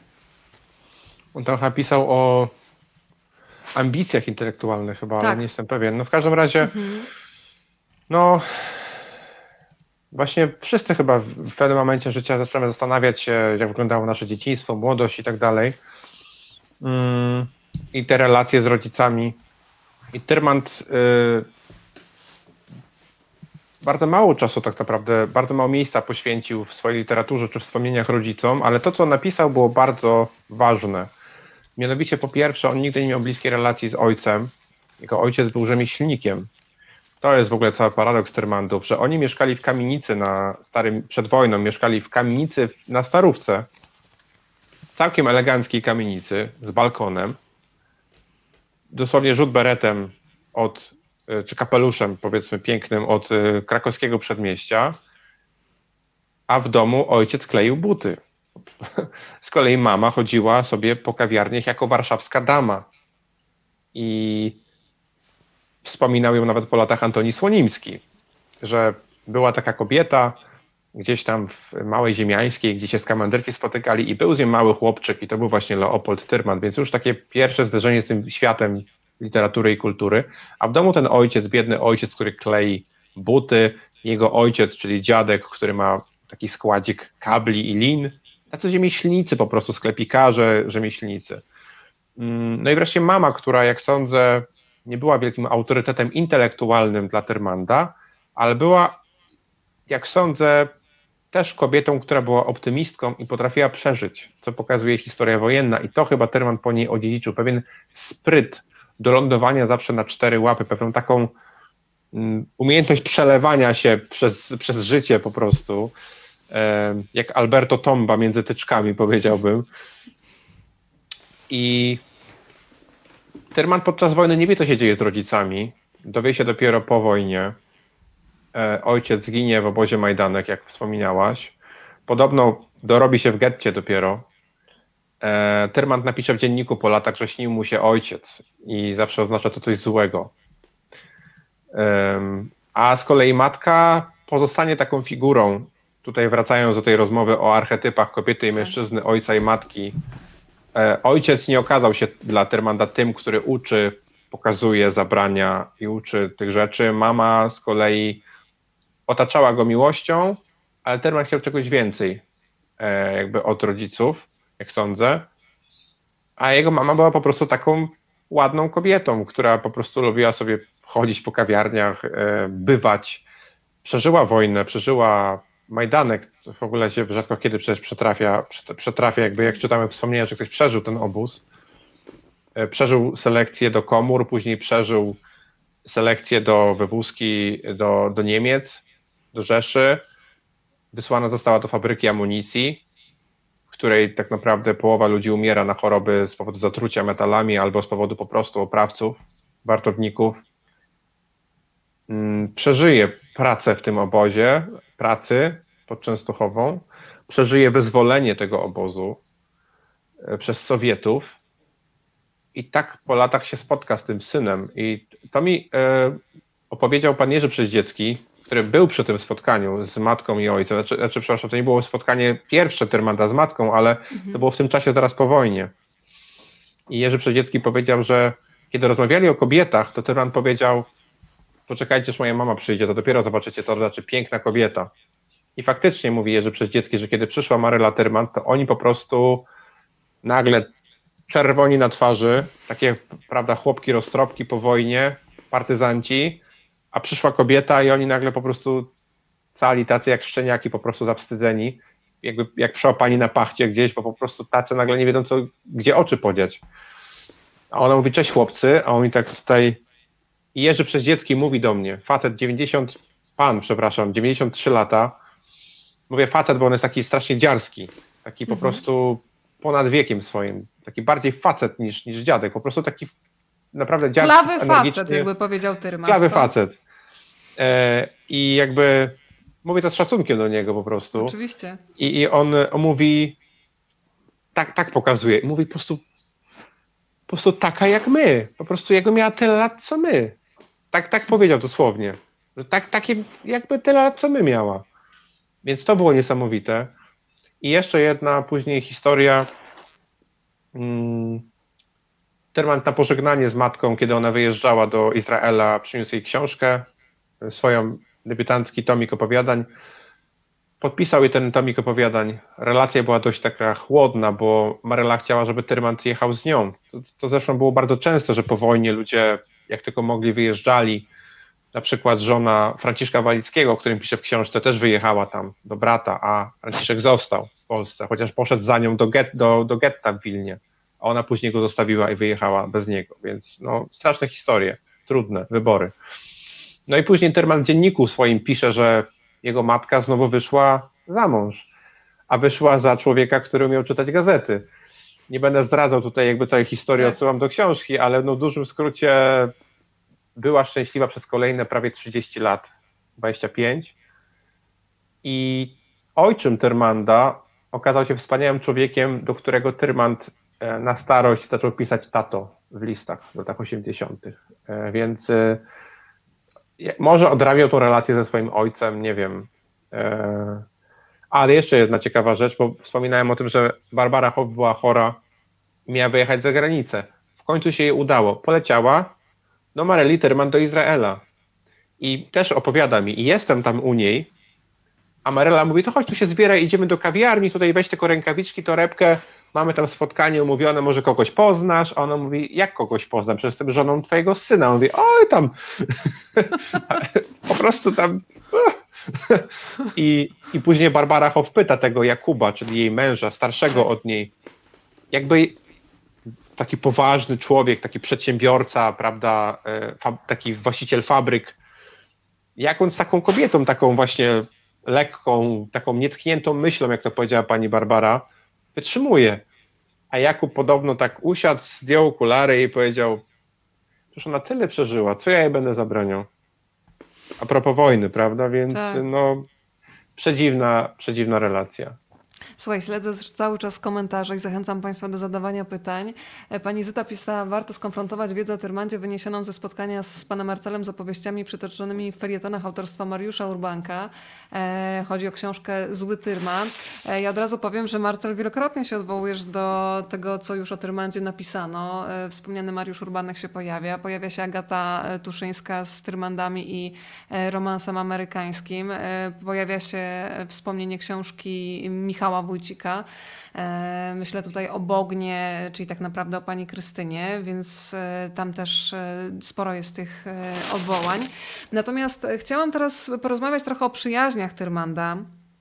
I tutaj zatrzymamy się przy Stefanie Kisielewskim i znowu fragment listu. Rozmawiałam z Marcelem wczoraj i powiedziałam mu, że brakuje mi we współczesnych czasach i nawet nie chodzi już o czas pandemii, który wiadomo, że jest wyjątkowy, ale takich kontaktów międzyludzkich, w których e, znowu szeleścisz, słuchaj. E, takich kontaktów międzyludzkich, w którym ktoś do kogoś dzwoni nie dlatego, że ma jakiś projekt do zrobienia, tylko dlatego, żeby wymienić się energią, żeby powiedzieć o tym, co go boli naprawdę, jak się czuje, bez takiego lukrowania rzeczywistości. A tymczasem mamy list z 17 sierpnia 1951 roku, który brzmi następująco. Mój drogi Stefanie, wpadłem w przedziwny życiowy impas. Dla ciebie zresztą arcyniewygodny. Otóż kiedykolwiek czuję się samotny, zgubiony, obsrany psychicznie, wtedy nachodzi mnie chęć pisania do ciebie. Kiedyś było zupełnie inaczej. Pisywałem z samej jurności i z samej chęci wykłócania się i awantury.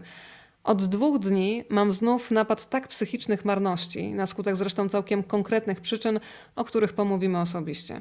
Ugniata mnie też nieodparte przekonanie nabierające obsesji, że w tym czasie, obecnie właśnie, kończy się w moim życiu jakaś ważna epoka, jakiś etap. Nie wiem, jak go nazwać, nawet może młodością, może czasokresem wojny ostatniej, może pierwszym stopniem dojrzałości. Nie jest mi z tym dobrze. Przeciwnie, męczę się bardzo, czynię nieustanne rachunki, bilanse, grzebię się we wspomnieniach. Nawiedzają mnie jakieś gwałtowne obawy i żale za bezpowrotnie utraconym, bądź przed przyszłością. Strach, czy aby czego w życiu nie spartoliłem, nie przeszedłem obok. W ogóle miękne.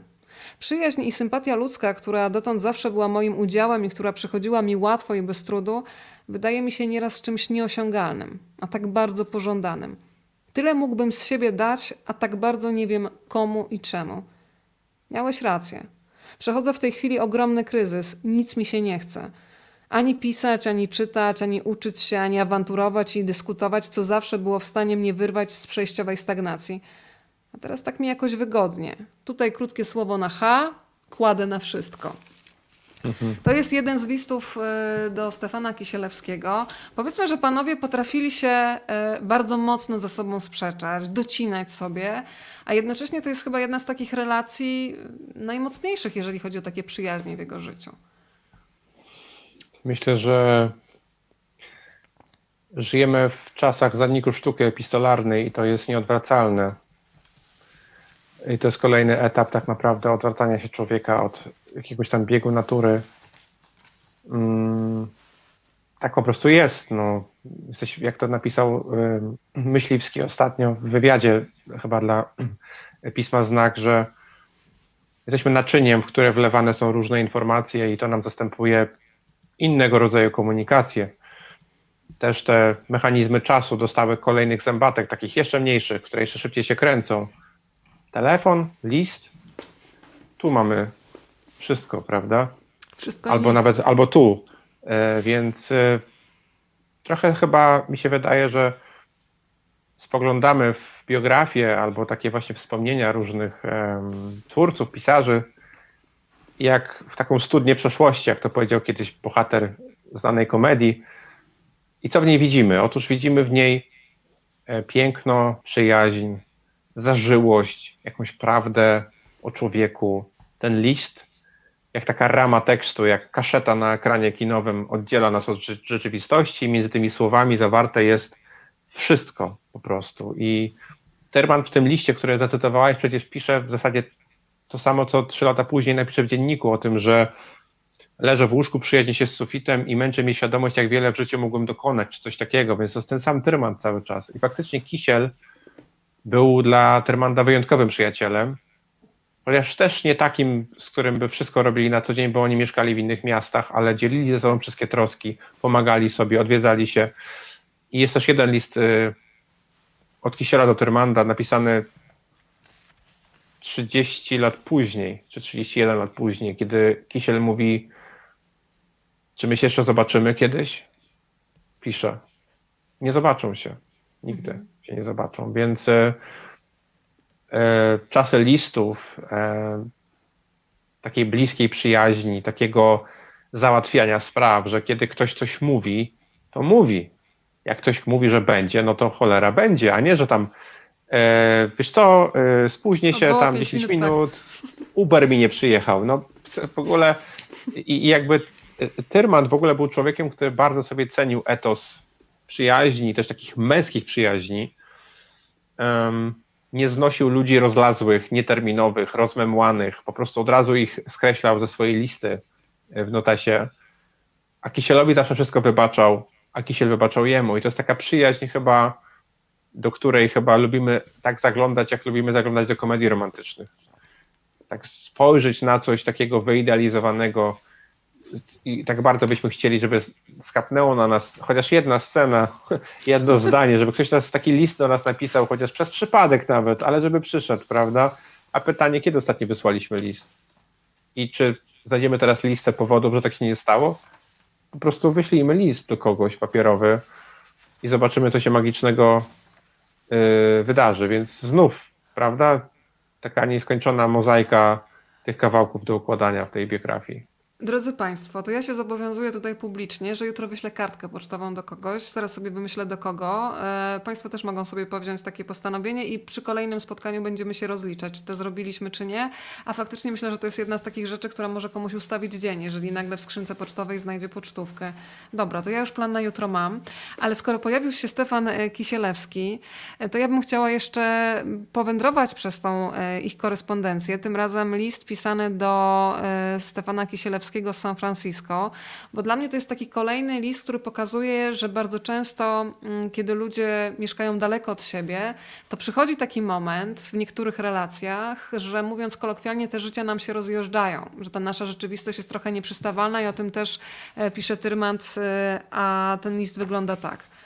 Kochany, jedyne listy wzruszające dostaję z kraju od ciebie. Coś takiego stało się przez te wszystkie lata, że mnóstwo rzeczy, ludzi i kobiet przeminęło, a zostałeś tylko ty. To dziwne. Bo wiele razy mówiliśmy sobie rzeczy ostre i raniące i mdliło nas na myśl o nas samych, ale tego się nigdy nie da przewidzieć, to życie załatwia za nas. Bardzo chcę wrócić. Nawet nie jestem ci w stanie tego dokładnie opisać, ale jeszcze nie mogę. Mam tu coś do zrobienia, czego już nigdy w życiu nie zrobię, jak nie zrobię teraz. To wszystko w ogóle tak ciężkie i skomplikowane, że aż strach o tym myśleć, a co dopiero pisać. Właściwie tylko twoje listy zawierają coś, co można nazwać koniecznością uczuć. Nikt do mnie tak nie pisze, nawet Konwicki. Jest tu ze mną dziewczyna, Angielka, 22 lata, modelka z Hollywoodu. Poznałem ją w Los Angeles. Tło piękne, raz jeszcze, tylko po co? I to San Francisco jeszcze lepsze niż je pamiętamy z Jacka Londona. London tu żyje na każdym kraku, to na, na kroku. To naprawdę najklawsze miasto w Ameryce. Aha, dziewczyna nazywa się Penelope i bardzo serdecznie cię pozdrawia. Dużo jej o tobie opowiadałem. Nie zapominaj o mnie. Bardzo tego potrzebuję. Gdybym natknął się na Wacka, to się nim zajmę. Ale tak jak ty i Lidia byście chcieli. Tylko jak go trafić? Wiesz, to dla mnie jest wzruszające to, że to wszystko jest e, utkane z takich słów, które gdzieś balansują pomiędzy pół żartem, ale czymś bardzo serią, e, bo to zdanie takie wypowiedziane wprost, nie zapominaj o mnie, bardzo tego potrzebuję, to jest coś, na co myślę, że dzisiaj sobie też ludzie bardzo rzadko pozwalają, bo te nasze życia na Instagramie czy na Facebooku są zazwyczaj z jakimś filtrem glamour, jak to jest u nas super fajnie. E, a bardzo rzadko powiedzieć komuś, słuchaj, naprawdę cię potrzebuję, przyjdź, pogadaj albo posiedź ze mną. Hmm, znaczy, pewnie tak, chociaż myślę, że może ciut więcej takich słów się zdarza przez ostatnie 11 czy tam 10 miesięcy. Mhm. Tak akurat, spoglądam akurat mam na stole tą dżumę i tu właśnie jest taki fragment, jak ludzie nie mogli do siebie dzwonić. Masz pod ręką? Byli... To może, może przeczytaj, jeżeli masz gdzieś pod ręką. Yy... Myślę tak, zaraz pewnie znajdę ten fragment. I okazało się, że ludzie do siebie nie mogą dzwonić i mogą sobie tylko wysyłać. E, o, mam. Telefoniczne rozmowy międzymiastowe dozwolone z początku wywołały takie przeciążenie kabin publicznych i linii, że przerwano je całkowicie na kilka dni. A potem ograniczono surowo do tego, co nazywano pilnymi wypadkami, jak śmierć, narodziny i ślub. Telegramy stały się wtedy naszym jedynym ratunkiem. Istoty złączone rozumieniem, sercem i ciałem musiały ograniczyć się do szukania znaków tej dawnej wspólnoty w drukowanych literach depeszy złożonej z dziesięciu słów. A ponieważ sformułowania, których można użyć w depeszy, wyczerpują się szybko, długie wspólne życie czy bolesne namiętności streściły się rychło w wymianie gotowych formuł, jak mam się dobrze, myślę o tobie, serdeczności. Myślę, że te ostatnie miesiące może trochę nam przypomniały, czym jest ten kontakt między ludźmi, czy to z sąsiadami, czy to z naszą rodziną. Po prostu musieliśmy się zwrócić w inną stronę e, trochę. Ja bardzo tęsknię za pójściem do małego kina, tak samo jak bardzo tęsknię za wysłaniem listu albo za, jak to mówił mój promotor, wykonaniem rozmowy. to muszę wykonać telefon, mówił, a ja myślałem, ale co, że tam weźmie drewno, przykręci słuchawkę, że jak, prawda? Ale pamiętam takie czasy, jak się szło do budki gdzieś tam, żeby zadzwonić tam na przykład, bo coś się stało. Ale e, więc... pamiętasz, jak mi powiedziałeś, jak a propos tych listów i wymiany, ja tym kompletnie zapomniałam, e, że pisało się na przykład ludzi, e, do, do ludzi z telegazety się wymieniało korespondencję. tak. Powiedziałeś. Tak. Słuchajcie, w ogóle pierwszy internet, naprawdę. Dzisiaj używany głównie przez więźniów i ich adwokatów. Tam wysyłają sobie wiadomości, co ciekawe ale faktycznie była, tele, do dzisiaj jest telegazeta, nie? Tam tak. na 300, od 300, na 301 jest program telewizji chyba. E, tam nie wiem, co tam jest na której stronie, ale było kiedyś strona, na której była się nazywało Łączka Telezajączka, taki odpowiednik rubryki w Brawo, gdzie po prostu hej, jestem Maciek, sklejam modele, napiszcie do mnie, wymienimy się wikolem, nie? Na tej zasadzie. I faktycznie wpisywało się takie listy i to było super. Ja, ja się wychowałem na, na listach, na złotych myślach i na takich rzeczach, nawet na listach butelce zakopanych gdzieś tam na kempingu pod drzewem, żeby je później odnaleźć. Więc y, jest to jakiś sentyment i też pytanie, czy byśmy bardzo chcieli odtworzyć ten sentyment y, przy pomocy jakiegoś generatora przeszłości, czy może bardziej chodzi o uchwycenie jakiegoś, jakiejś wartości, jakieś, zatrzymania jakiejś aksjologii i obawiam się, że jesteśmy w dokładnie tym samym punkcie, w jakim były wszystkie epoki, to znaczy czy będzie lepiej, czy będzie gorzej, czy to, co my wiemy o świecie, to to jest jeden spójny, ten najlepszy możliwy świat, który teraz rozpada się na naszych oczach, ponieważ nigdy nie było tak jak kiedyś, tak jak jest teraz. Naprawdę kiedyś było zupełnie inaczej. nigdy nie było tak, że i tutaj lista tam Twitter, prawda, Facebook, Mhm. Instagram, kamery, filtry do twarzy, operacje plastyczne i tak dalej, i tak. W każdej epoce ludzie mówili, że jest dobrze, a później będzie gorzej. Przecież każdy zna historię o pociągu wjeżdżającym, prawda, na ekran kinowy i tak. E, Pamiętam nawet takie, taki artykuł z końca XVIII wieku, kiedy jeden z myślicieli, niejaki Pope, pisał, że kiedy upowszechniano coraz bardziej druk, kiedy fabryki powstawały i ten druk stawał się naprawdę powszechnym drukiem, mówił, że co, że dzisiaj będą ludzie pisali książki o czym chcą? Zaleje nas powódź niepotrzebnych książek o wszystkim. To będzie koniec wszystkiego. Więc my dzisiaj tak samo mówimy o internecie, że już nie będzie rozmów przez telefon, tylko teraz jest nagle, a propos, na telefonie przecież do dzisiaj jest ikonka słuchawki, prawda? Mhm, tak. Takiej słuchawki w tym. W ogóle o co chodzi, nie? W ogóle co to jest, prawda? Więc... Słuchaj, y, poczułam się teraz trochę jak w takim radiu, to w radiu sprzed lat, bo pani Kasia napisała, nie mogę się do państwa, nie mogę do państwa zadzwonić, więc piszę tu serdeczności. Swoją drogą mógłby Facebook też opracować takie momenty, żeby państwo faktycznie mogli do nas dzwonić, jak w takim studiu radiowym. Coraz bardziej mi się to Tak, tak. y, podoba. E, Drodzy Państwo, więc można pisać, można zadawać pytania w każdym momencie. Ja tutaj śledziłam, pytanie jest.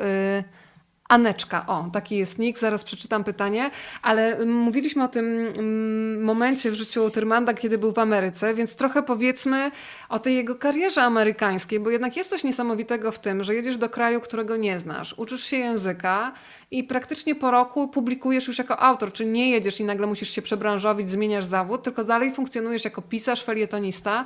Ja może Państwu pokażę na przykład pana Tyrmanda tutaj z e, Harlemu, z jego mieszkania. Myślę, że będzie y, dobrze zobaczyć, spojrzeć w te uśmiechnięte tutaj oczy i zobaczyć trochę taki artystyczny nieład, z którym się bardzo utożsamiam, gdzie wszystko jest y, wszędzie, jednocześnie na pewno ten człowiek wie, gdzie jest y, to, czego potrzebuje. E, No to powiedzmy trochę o tym, jak on się odnalazł w tych Stanach jako pisarz, jako twórca. A to się do pytania, które było, myślę, że poleciłbym Filipa E, Pytanie ja już y, czytam tak, bo pani Ania napisała, że przeczytała Dziennik 1954, skończyła Złego e, i kolejna książka to Filip dla ciebie, tak? Myślę, że tak. Myślę, że by świetnie uzupełnił tutaj niektóre rzeczy. A życie towarzyskie E, i uczuciowe? Też polecam, ale warsztatowo jest. Y, trudno się to czyta, tą książkę. Ona jest bardzo nabita. Y, trzeba mieć dobry dzień, tak jak do filmów Pasoliniego. Okej, to wracamy If do you tych Stanów. Yes, yes.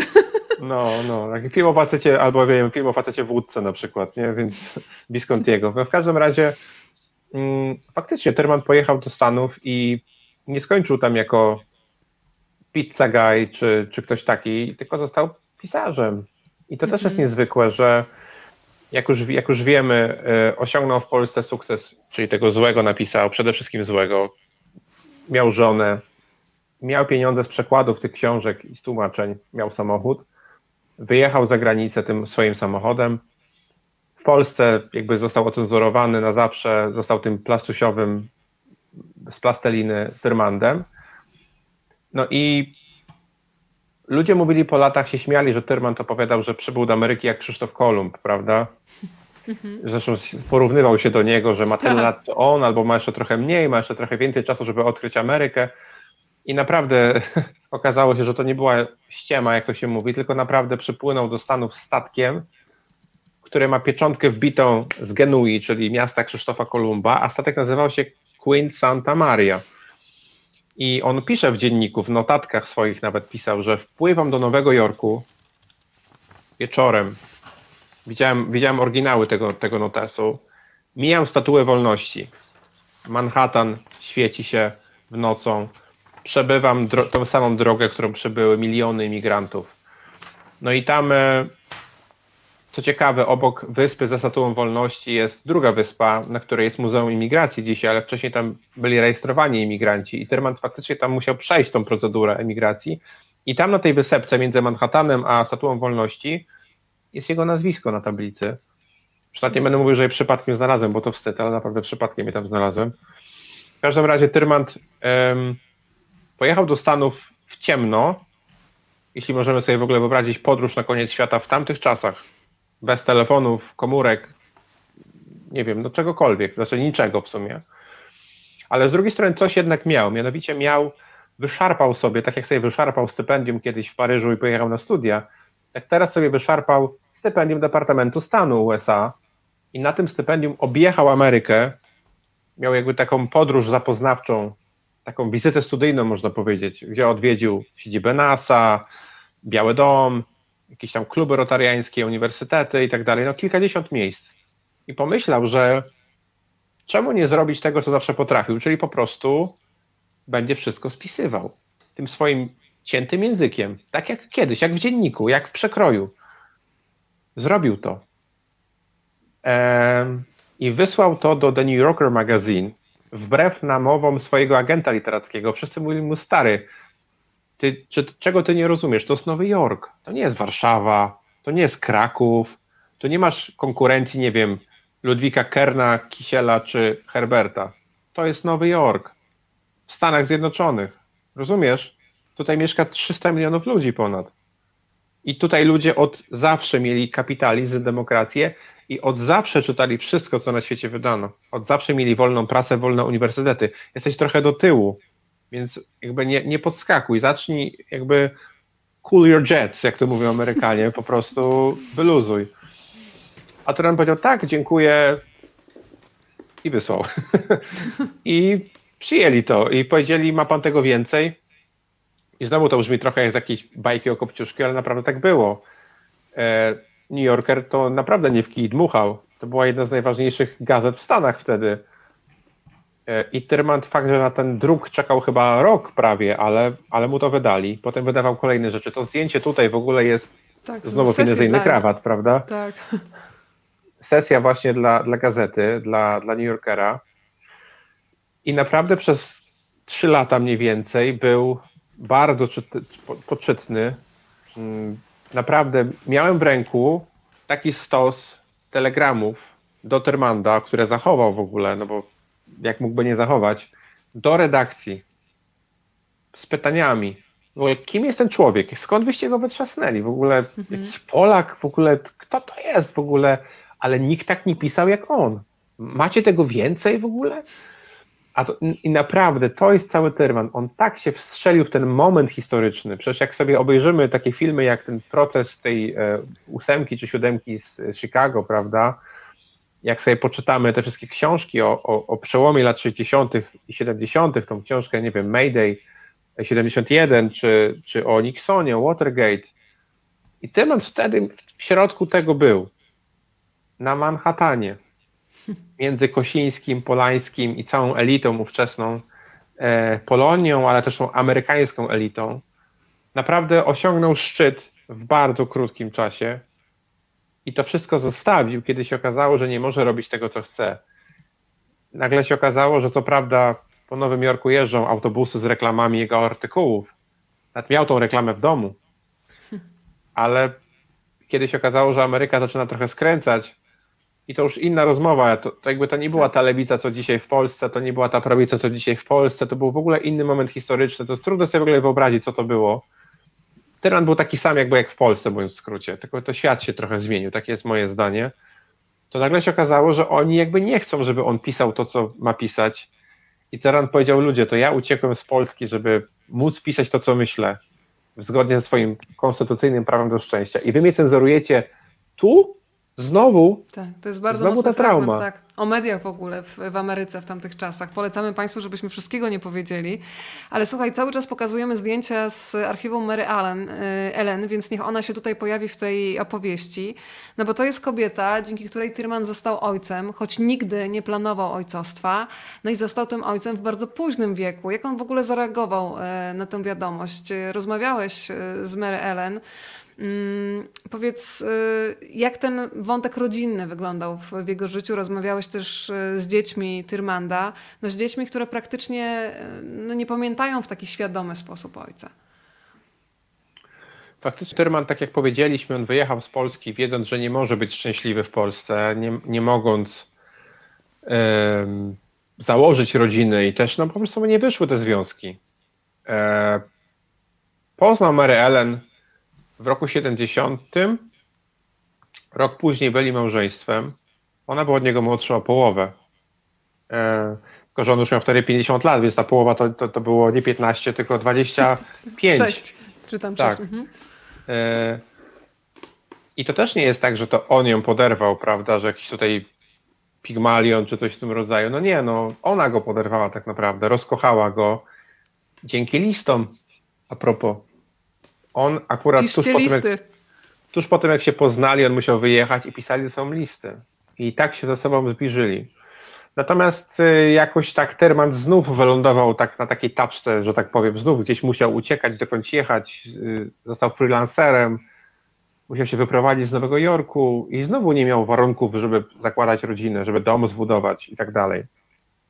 Paradoksem jest, że dom zbudował i umarł tak naprawdę. No więc y, z racji różnicy też wieku i chyba też trochę charakteru, tak chyba oni chyba nie, Mary Ellen chyba też nie chciała po prostu mieć dzieci, tak mówiąc brutalnie. Mhm. Mhm. Mm, ale przede wszystkim z różnicy, z powodu różnicy wieku.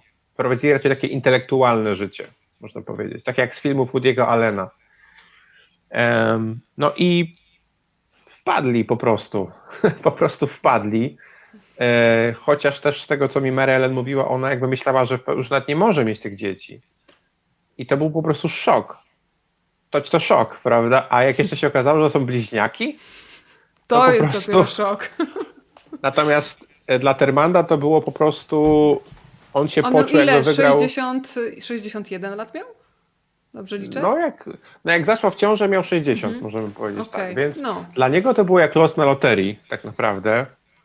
I wcale tu nie chodziło o, o jakby o jakby o odbudowywanie, prawda, cywilizacji żydowskiej, w sensie po Holokauście, żeby te 6 Tak. milionów, prawda, stworzyć, jak to się śmieją czasami sami, sami Żydzi w, z siebie, tylko po prostu, no, nagle się okazało, że będzie ojcem, że jego geny przetrwają, a on, jego matka zmarła dwa lata, trzy lata wcześniej. On Mhm. był jakby ostatnim z rodziny tak naprawdę. I nagle się okazało, że to może trwać dalej. I oszalał na punkcie tych dzieci. To znaczy, też oczywiście po swojemu uważał, że to są najlepsze dzieci na świecie. Ja się śmieję, że podnosił je do góry jak pył księżycowy. Biegał tam po tym Rockford z tym wózkiem, mówił, zobaczcie, dziecko, moje, żyje, ma ręce i nogi. A ludzie mówią, no jak to dziecko? Mówi, Nie, nie, nie, to jest moje dziecko. To jest najlepsze, najbardziej dzie- dzieckowe dziecko na świecie, prawda? To są, to jest Tyrmand, a to, i to jest Tyrmand. Prawda? Moje geny. Po prostu od, odwaliło mu, jak to się mówi, był w niebo wzięty z powrotem tych dzieci. I jego życie naprawdę się jakoś tak dziwnie ustatkowało przez te następne lata. Em, jego praca się ustabilizowała. Stworzył jakąś taką nagrodę bardzo ważną, e, którą e, później zresztą wręczył Borgesowi osobiście w, w Chicago. E, brał udział w jakichś spotkaniach Polonii amerykańskiej w Chicago. Były prace, wy- wydano w Polsce dziennik wreszcie nielegalnie, ale wydano. Złego mieli kręcić. Nagle wszystko wskoczyło na, na swoje miejsce. Wreszcie pod koniec 1984 roku wybudowali dom. Wreszcie własny dom zbudowali. E, Tyrmand, to chyba nie było powiedziane, jak on studiował w Paryżu, studiował architekturę wnętrz i to mu się przydało. Więc można powiedzieć, że miał 64 lata i pierwszy raz w życiu miał swój dom, dom. Ten dom tutaj ze zdjęcia właśnie. Ten, znaczy, to jest widok współczesny, a na dole to jest e, widok, e, kiedy ten dom był budowany. Tam na dole widać e, Termanda, jak stoi z dziećmi sobie za ręce. To też jest zabawna historia, jak my ten dom znaleźliśmy, bo tam się, jak widać, dużo zmieniło. W zasadzie wszystko dookoła się zmieniło. Mhm. To było pole, a teraz tam jest po prostu pełno domów. I żeśmy tam właśnie byli z moją żoną i z e, taką parą z Rockford, e, z Renatą i Bogdanem. E, Szukaliśmy tego domu i w końcu mówię, kurczę, to chyba tutaj. I po prostu wszedłem na ten trawnik, oni mówią, stój, bo cię zastrzelał. Własność prywatna tak w Stanach, no. Tak, nie, nie można tak tam wejść. Ja tam walę do tych drzwi, otwiera facet i ja mówię, dzień dobry. I pokazuję mu to zdjęcie. Czy to jest Mhm. pana dom? On mówi, tak, to jest mój dom. No i w, skrócie mówię może, czy pan wie, że tu mieszkał taki polski pisarz? On mówi, nie, tu mieszkał polsko-żydowski pisarz. I się okazało, że faktycznie wprowadzili się tam po śmierci Termandów, więc jakby dzieci Termanda nie pamiętały, pamiętały tylko urywki, że był surowy, ale dawał im cukierki że kazał sobie nie przeszkadzać, kiedy ogląda wiadomości, prawda? Jakieś takie przebitki. I zmarł na wakacjach na Florydzie.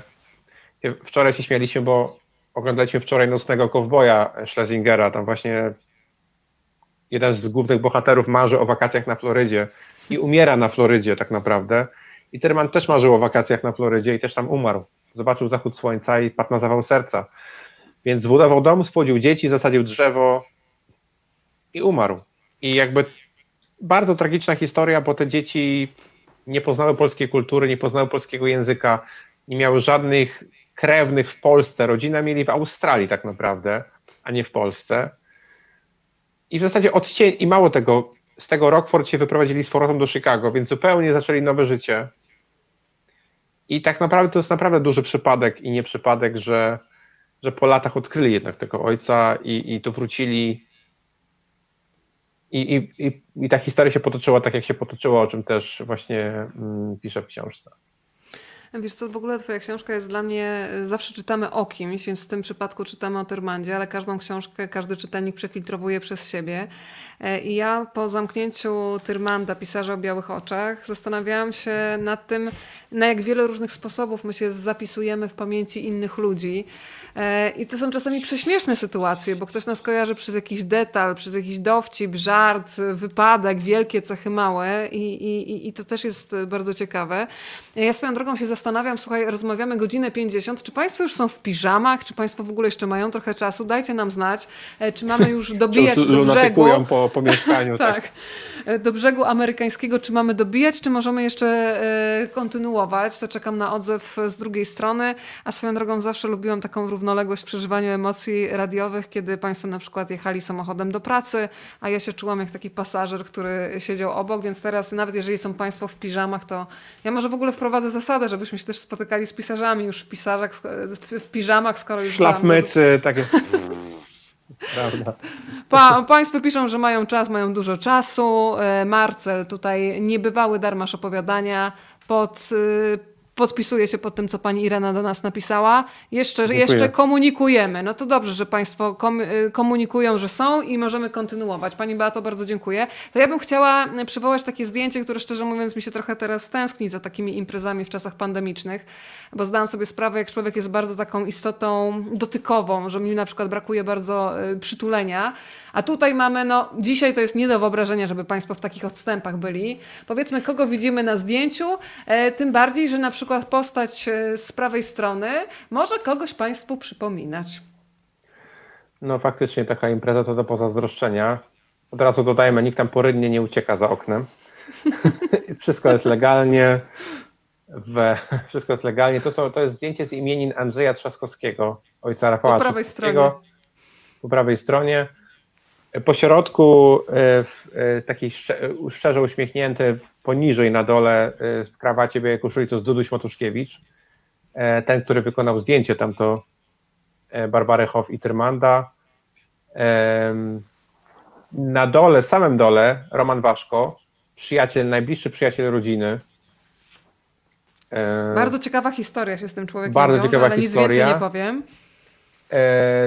Też jest tutaj ambasador amerykański, to też jest dość istotne. No i przede wszystkim Lolek Tyrmand, jak Państwo widzicie, e, wskazuje, wydawać by się mogło na siebie, ktoś po prostu robi rogi. E, panie tańczą na tle, w, ścianie, na ścianie proszę zobaczyć taki obraz, jakiś taki monet, nie wiem co to jest, jakiś roznegliżowany, e, roznegliżowana kobieta, no, uchwycona na obrazie, więc tak naprawdę no, z, z relacji i SB wydawać by się mogło, że tam lada chwilę będzie striptease, prawda, e, fajfy, girls, prawda, i alkohol i tak dalej. W rzeczywistości to są imiona Andrzeja Trzaskowskiego. Tyrman pokazuje palcem nie na siebie, tylko na kolegę na dole, którego trzyma za rękę, jak widać. Natomiast to zdjęcie przejdzie do historii jako taka egzemplifikacja dezynwoltury, alkoholizmu, pijaństwa i rozpasania Termanda i tego typu elit, prawda, kasty, mm -hmm i tak dalej. Tymczasem Tyrmand bawi się w gronie tylko najbliższych przyjaciół. To jest ten czas, kiedy pani Basia będzie chora, to jest ten czas, kiedy on będzie niedrukowany, będzie walczył o paszport, będzie miał podsłuchy w ścianach, telefonach i tak dalej. I on nie będzie chodził na żadne imprezy. Nie ma żadnych zdjęć Tyrmanda z jakichś imprez, nawet jazzowych w latach, na początku lat 60. Tyrmand się bawi tylko w małym gronie najbliższych, zaufanych przyjaciół, ale i tutaj się niestety da wyprowadzić w pole, ponieważ człowiek na dole To jest TW Adam, który przez lata na Termanda wyjątkowo perfidnie kablował. Roman Waszko, bardzo znany działacz jazzowy, wieloletni prezes Stowarzyszenia Jazzowego, korespondent licznych czasopism, jak na przykład Billboard amerykański, który naprawdę na Termanda nastawiał sidła, prowokacje, rozpuszczał o nim plotki, najbliższy przyjaciel rodziny. Coś potwornego tak naprawdę, a to on między innymi opowiada o Termandzie panu Mariuszowi Urbankowi w książce Zły Terman, tylko nie wspomina o swojej roli w, tym, w tej całej historii, co jest tak naprawdę straszne. No więc y, Termant był człowiekiem zabawnym, inteligentnym, towarzyskim, ale on, tak, żeby tak nakreślić ramy czasowe, tak naprawdę to tak, Termant do Polski przyjedzie w roku 1945.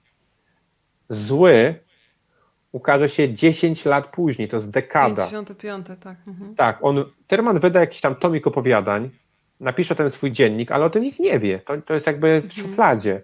Więc Tak. Terman wyda opowiadania, potem jest stalinizm, śmierć Stalina, naprawdę no prawie dekada minie i po tej dekadzie Terman wydaje to, po czterech latach tam wyda u brzegów jazzu, wyda Filipa w malutkim nakładzie. Nikt tego nie przeczyta tak naprawdę. Nawet Kisielewski tego nie przeczyta. I, 10, I kolejne 10 lat po tym Tyrman wyjeżdża z Polski i znika na zawsze. I to jest cały Tyrman w Polsce. Tak naprawdę to te barwne lata PRL-u, Tyrman, Tyrman, on wydaje 10 lat po wojnie książkę. To jest 20 lat w Polsce i przez te 20 lat napisał w sumie 3-4 rzeczy mu wydano. To jest, i, I pisał w prasie. Tak naprawdę ciągle go zewsząd wyrzucano. I tak Y, naprawdę. Mhm. Y, Przepraszam, przypomniał mi się ten fragment z twojej książki, kiedy jest też walka o paszport, żeby on w ogóle mógł wyjechać i rozmowa z urzędnikiem, y, która jest po prostu straszna. W zasadzie nie ma przeszkód, żeby pan nie wyjechał, ale pan nam się nie podoba, więc pan nie, nie wyjedzie. Nie, bo nie, czyli takie zderzenie non-stop ze ścianą. Nawet jeżeli Ej. wydaje ci się, że w tym systemie masz jakieś prawa, to tak za chwilę ci ktoś udowodni, że, że nic nie, nie możesz. To wystarczy sobie poczytać Zamiatina, Huxleya, Orwella, Tak. albo Tyrmanda, tak naprawdę. I naprawdę, jakby ja, nie, ja siłą rzeczy brzmi jak jakiś obrońca czy adwokat Tyrmanda, ale on nigdy adwokata żadnego nie miał, więc może ja się trochę w jego w rolę takiego adwokata wcie, wcielam, takiego adwokata z urzędu, można powiedzieć. Ale naprawdę te wszystkie anegdoty o Tyrmandzie trzeba przefiltrować przez prosty fakt, że nikt nie znał o nim prawdy. To wszystko były jakieś półprawdy i nagle się okazuje, że po pierwsze ten kolorowy tyrmand, to w sumie co to znaczy kolorowy tyrmand? Jakby według kogo, prawda? I gdzie on taki był kolorowy? Przecież wszystkie zdjęcia są czarno-białe, to skąd w ogóle wiadomo, że te skarpetki były kolorowe, prawda? A poza tym właśnie te zdjęcia z imprez i ci przyjaciele, którzy na Tyrmanda donoszą, e, morderstwa polityczne, e, depresja. Przypomniałeś ten list do Kisielewskiego. Ten list był Tak. pisany w 1951 roku. To jest 10 lat Mhm. przed tym zdjęciem i on już wtedy ma dość. Prawda? Więc jakby powiedziałeś o tej dziurze w sercu i to jest chyba naprawdę bardzo trafne określenie, bo jakby można Termanda rozliczać z jego stosunku do kobiet, z jego jakiegoś snobizmu. Wszystko prawda, ale jakby to jest trochę tak, jakby ktoś hejtował kogoś w szkole przez lata i ta hejtowana osoba ciągle by się odgryzała i ludzie mówili mu, ludzie mówiliby po latach, bo ciągle taki jakiś pyskaty był. No, a jaki miał być, nie? Bronił się. Mhm. Tak, bronił się, więc jakby naprawdę uważam, że Tyrman był dobrym człowiekiem, wspaniałym przyjacielem, mm, był sentymentalnym i wrażliwym e, pisarzem, sentymentalnym, ale nie naiwnym, można tak powiedzieć, tak parafrazując Pamuka. Bardzo towarzyskim, honorowym, szlachetnym nawet, ale historia chciała go opisać inaczej po prostu. I więc siłą rzeczy mój Tyrmand jest właśnie taki, jak powiedziałem, ale każdy ma swojego Tyrmanda. To jest właśnie wspaniałe, że każdy będzie wiedział coś e, innego, będzie wyciągał swoje wnioski i na tym polega magia literatury, że czytamy te same książki, oglądamy te same filmy e, i odczuwamy coś innego. Zresztą ja e, czasami, kiedy śledzę recenzje filmów czy książek, i widzę taką manierę czasami u niektórych, że to ja mam rację, ja mam rację, to myślę sobie, że przecież nie dyskutuje się o, o uczuciach. Jeżeli ja powiem komuś, że coś mnie boli, to nawet jeżeli ktoś mi powie 300 razy, co to cię nie boli, to ten ząb na przykład nie przestanie mnie boleć, więc rozmawiajmy o emocjach i o tym, co książki i filmy z nami robią. Bardzo to lubię. A czy ja mogę mieć pytanie? Oczywiście. A jaki jest twój tyrmand? Mój tyrmat ja dzisiaj cały czas szukam, wiesz? Ja przede wszystkim jestem y, cały czas pod wrażeniem tej intensywności, bo mam wrażenie, że ilość wydarzeń, które miały miejsce w jego życiu jest taka, że ja bym obdarowała kilka osób tym. Dla mnie on jest przede wszystkim mm, bardzo konsekwentny w tym, co robi i zdaję sobie sprawę, że jeżeli mm, tworzysz coś, piszesz, jesteś artystą, i nie dostajesz takiego szybkiego zwrotu od świata w postaci mm, jakiegoś poparcia tego, że ktoś ci powie, że to jest dobre, to jest to bardzo frustrujące. A on mnie naprawdę zachwyca tym, że zaczyna od nowa. E, więc taka konsekwencja jest dla mnie czymś bardzo mocnym, ale widzę też takiego człowieka mm, cały czas niespełnionego. E, wiesz co, była ostatnio taka książka mm, o San Francisco, e, gdzie jedna z bohaterek bodajże z Doliny Krzemowej powiedziała coś takiego, że teraz my żyjemy w takiej kulturze wiecznego niespełnienia. Czyli nawet jeżeli osiągamy sukces, to cały czas jest presja z tyłu, e, że trzeba coś więcej. Nawet nie masz czasu, żeby się nacieszyć tym sukcesem. I ja mam wrażenie, że Tyrman cały czas, to był człowiek, który strasznie dużo od siebie też wymagał. I to, ten, ten taki perfekcjonizm to jest taka cecha, która no, potrafi chyba też utrudniać życie. E, drodzy Państwo, Państwo są niemożliwi, bo cały czas tutaj Państwo są w piżamach, nie w piżamach, e, co mnie cieszy, więc ostatni wątek i będziemy jednak zamykać, bo jest 22. 30. I to zawdzięczamy pandemii, że można rozmawiać do 22.30 nikt nas nie formatuje, że są 3 minuty na rozmowę w radiu. To lubię. Więc niech się I nie ma reklam. Ta... Nie ma reklam, o. Państwo mogą tutaj e, reklamować też dobre książki e, po drodze, to na pewno. Jeszcze niech się pojawi Tadeusz Kąwicki, słuchaj, bo w portrecie człowieka w kolorowych skarpetkach on e, opisywał między innymi taki moment ich znajomości, kiedy oni mieli do siebie coś takiego, co bym nazwała wzgardą, zresztą to chyba nawet pada w słowach Kąwickiego. Oni się mijali na ulicy, udawali, że się w ogóle nie widzą, więc to jest moje ostatnie pytanie. Jeżeli Państwo mają swoje, to jest ostatni moment, żeby je zadać, więc odwagi, bardzo proszę. Konwicki. Mieli takiego, mieli takiego foszka na siebie trochę. Mhm. Przy okazji e, będzie można o to też spytać może pojutrze, bo mam spotkanie w Łodzi mhm. i będzie Maria Konwicka właśnie.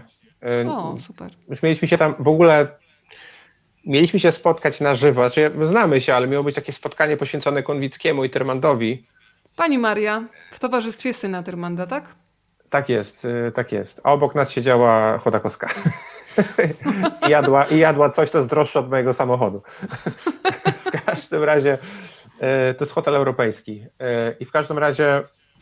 Mm, Zobacz, jak pięknie pani Irena napisała, że dla niej Tyrmand jest człowiekiem wiecznie poszukującym, otwartym na życie. To też mi się podoba. Dziękuję pani Ireno. Tak, nigdy się nie zamykał chyba, prawda? W jakiejś takiej zamkniętej, e, nie zamykał się w tautologia, nie zamykał się po prostu na świat. By miał, trochę mhm. patrzył oczami, dziec, oczami dziecka chyba, to też mi się w nim tak podoba. Więc pojutrze będziemy rozmawiali w Łodzi o tym o 16, więc też będzie można spytać, jak coś panią e, Marysię. W każdym razie faktycznie oni się poznali tak, że się nie lubili. Znaczy byli po różnych mhm. stronach barykady, mieszkali blisko siebie, ale się mijali. Podobno, też kolejna anegdota, że Konwicki podobno napisał w jakimś artykule, że Tyrmand podczas jakiegoś tam koncertu czy turnieju tanecznego kopnął się w głowę, sam samego siebie. Tak wywijał jakieś bugi-łogi, że sobie strzelił po prostu z podeszwy w czoło.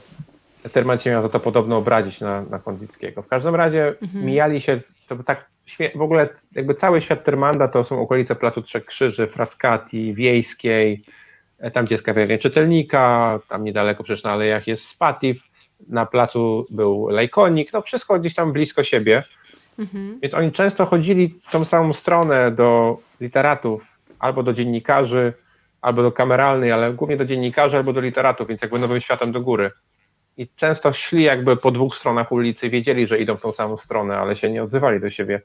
E, tak, spotkanie będzie transmitowane. Puls Literatury Festiwal na, na, na tym, na, na Facebooku o 16 w sobotę, zapraszam. Więc y, wszystko się zmieniło, kiedy Termant napisał złego. Konwicki przeczytał Złego w jedną noc, tak samo jak Maria Dąbrowska czy Gombrowicz i spotkali się w jakiejś windzie. obaj niewysocy, w okularach i Konwicki powiedział do Termanda, ta, taka sytuacja jak z filmu, że nagle dwóch ludzi, którzy Tak. z, ze sobą mają jakieś zaszłości, obaj coś tam mają pod paznokciem wbite i nagle stają obok siebie w windzie, więc taka przestrzeń jak po prostu jak, Nie ma jak uciec. jak z filmu Polańskiego, prawda, że trzeba się Mhm. jakoś tutaj umeblować, prawda, ze sobą. E, I Konwicki mówi do Termanda, dobra książka. Dobra książka, powiedział. I nagle po prostu wszystkie wezbrane wody puściły i drzwi windy się otworzyły. Wyszli z tej windy i poszli w tą samą stronę razem. I już tak chodzili sobie razem e, przez lata, a też perspektywa, mm, przez którą Konwicki Termana widzi jest niezwykła, bo Tadeusz Konwicki miał w ogóle niezwykłą perspektywę patrzenia na, na świat. Ja w zasadzie najpierw pokochałem Apokalipsa, a dopiero potem poznałem Termanda, więc jakby ja Warszawę poznałem z, z Konwickim najpierw. E, I wydaje mi się, że Konwicki pięknie Termanda opisał i oddał też te wszystkie subtelności między nimi, bo Konwicki był zupełnie innej, inną postacią, innym charakterem, bardziej do środka, takim zamkniętym, skupionym myślicielem, a jednak Terman strasznie tak się kłębił, kłębił na zewnątrz, a jakoś się zawsze potrafili ze sobą dogadać i jest taki jeden fragment y, w, we Wniewa wstąpieniu, kiedy Konwicki wkłada w usta bohaterów słowa, że pan Lolo już wyjechał i już, już pana Lola nie ma z nami, to jest jakby do, do wyjazdu i po, potem są wspomnienia, kiedy oni się spotkali w Stanach właśnie, to właśnie Maria Konwicka była, jak przyjechali do mieszkania i się zamknęli na całą noc Tadek z Lolkiem i do rana się kłócili o politykę, tam o wszystko i tak dalej. Tam Tyrmat mu tam ciągle coś wyrzucał z przeszłości. W każdym razie to było bardzo wzruszające. e, Ja też to opisuję w tej książce. Mm. No ich przyjaźń też się przerwała. I to, kiedy Terman zmarł, to właśnie Konwicki zorganizował spotkanie poświęcone Termandowi w Warszawie po, po jego śmierci. Marcel, to ostatnie pytanie od pani Zofii. E, W pewnym momencie tej rozmowy chyba już podpowiadałeś, e, ale może jeszcze niech raz wybrzmi. Który z utworów e, Tyrmanda czytałeś z największą przyjemnością? Eee, oczywiście zależy o jaką przyjemność chodzi, bo zły jest taką fascynującą powieścią, powieścią akcji, A przy okazji rozpala. złego, ty nie miałeś, bo ja przy okazji złego przyznaję, że miałam takie momenty, kiedy chciałam trochę popchnąć akcję, że tych detali było już czasami, ja mówię, no dobra, już Leopold, dobrze, ja już chcę wiedzieć, co się wydarzy dalej. Miałeś tak czy nie? No to są te wszystkie fragmenty, które reżyser filmu by po prostu wywalił, żeby mieć scenariusz gotowy. Czyli by wyrzucił Tak. wszystkie opisy, te, które wyrzuciła Barbara Hobbs z Filipa właśnie. I przyznam szczerze, że em, chyba Dziennik i Filip, bo to są powieści, że to są utwory, przepraszam, jednak autobiografizujące, em, a nawet bardziej Filip, Dlatego, że bohaterem Filipa jest 22-3-letni chłopak, chłopiec, chłopak, który to a propos historii, od której zaczęliśmy, że no, wiemy, że wojna trwała 6 lat, ale w 1941 roku nikt nie wiedział, ile wojna potrwa. Czy w ogóle to tak jest jak wojna? dzisiaj nie wiemy, ile potrwa pandemia. Nie? Ja sobie Tak, dopiero teraz uzmysławiam, że dopiero kiedy żyjesz w jakiejś sytuacji, której kompletnie nie kontrolujesz, to dociera do, tobie, do ciebie, jaki to jest rodzaj obciążenia. Pierwszy raz w Tak. swoim dorosłym życiu czuję, że na czymś kompletnie nie mam kontroli. Wtedy ludzie Że nie mieli no pojęcia, po- ile potrwa wojna. Tak, że poczekamy do, do tego, do, do, do tego. Nie, nie poczekamy. Nie wiesz i żyj z tym.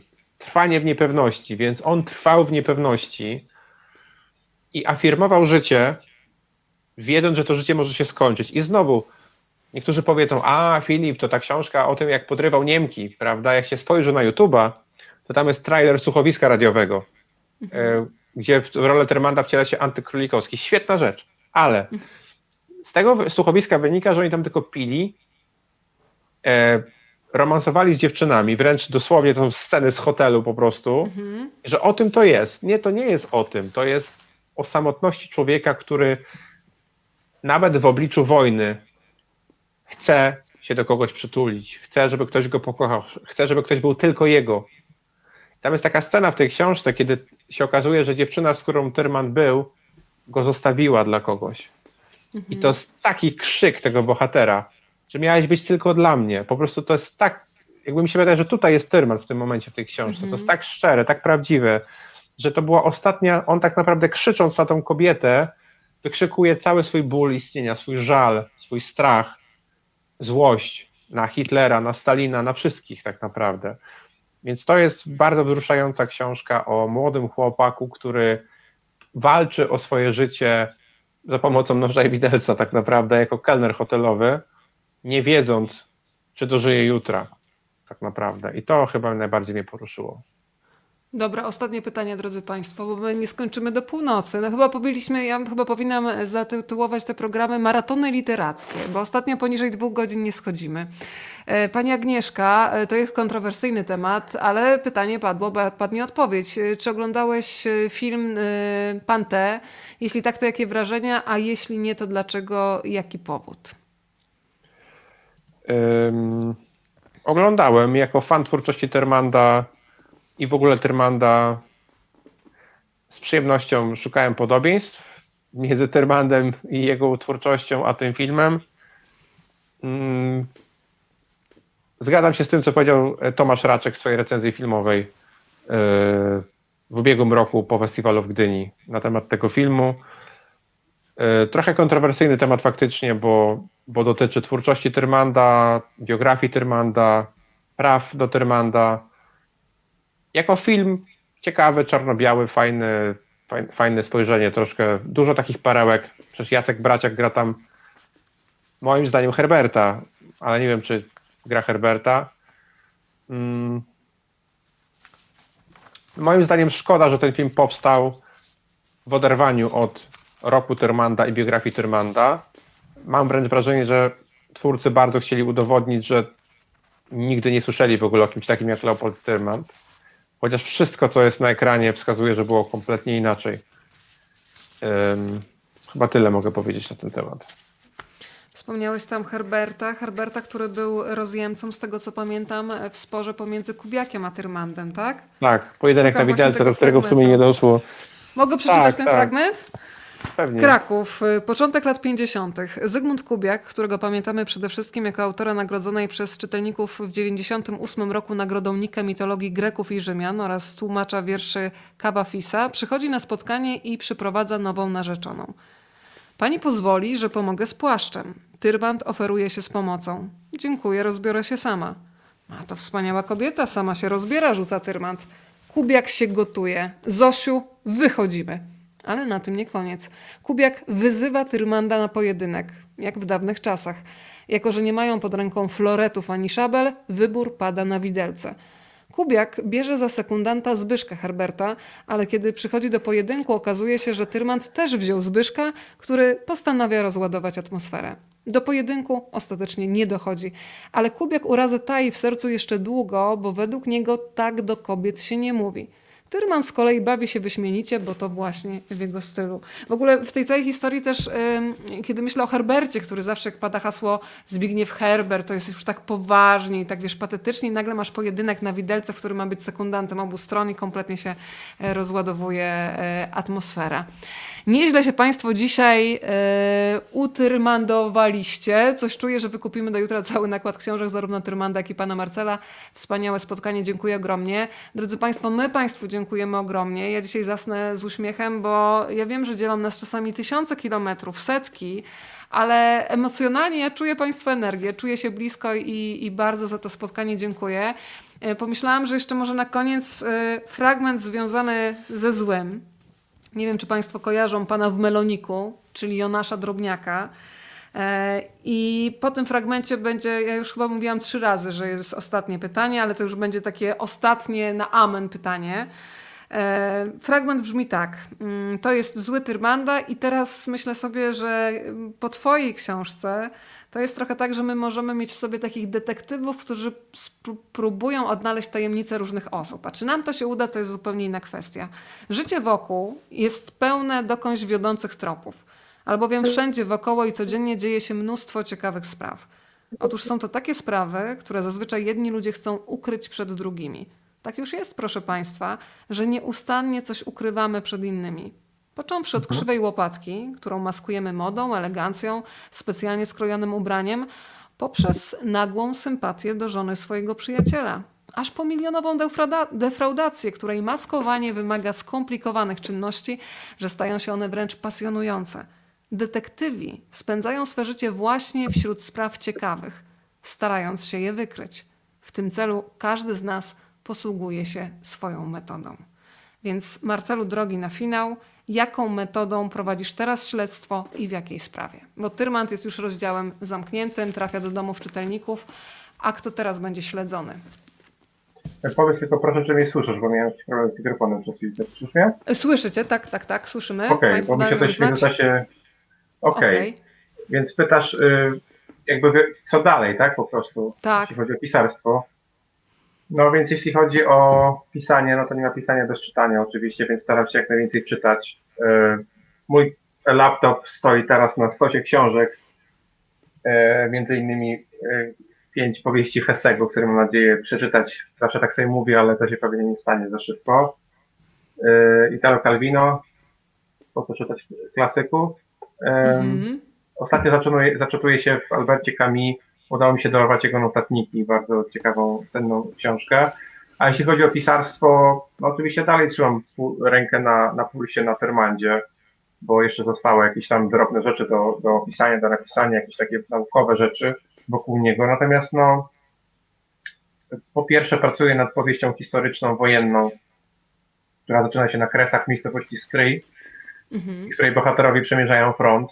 Jest to historia oparta na faktach, e, na wspomnieniach e, rodzinnych Piotrka Stolara i historii jego dziadków, em, o kinie, które zostanie założone w obozie e, w Niemczech. Czy to jest jakby no, taki leitmotiv powiedzmy tej historii. Naprawdę związane to jest z polskimi kresami, polskimi rodzinami uciekającymi przez front. Więc warto można sobie wyobrazić, jak, jak to jest wstrząsające.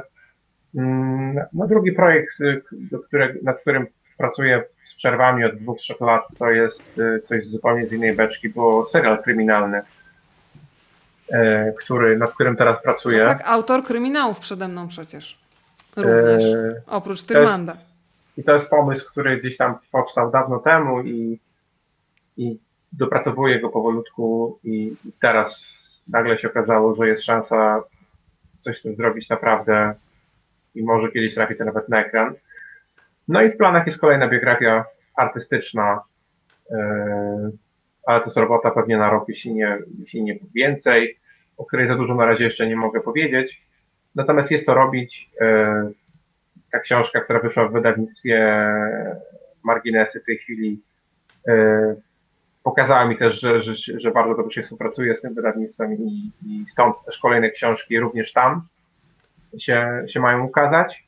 Tutaj widziałem Krzysiek Bokus pytał o Wachmistrza. Jestem w trakcie. Pozdrawiam mojego człowieka z, z Kwidzyna, z którego pochodzę. Krzy- Krzyśka Bokusa, który również jest kwidzyniakiem. Także dużo lektur i przypuszczam, że pod choinką też trochę tych książek wyląduje. A jeszcze powiedz w takim razie, bo tak mnie wałkuje przez te dwie godziny, a co ty czytasz?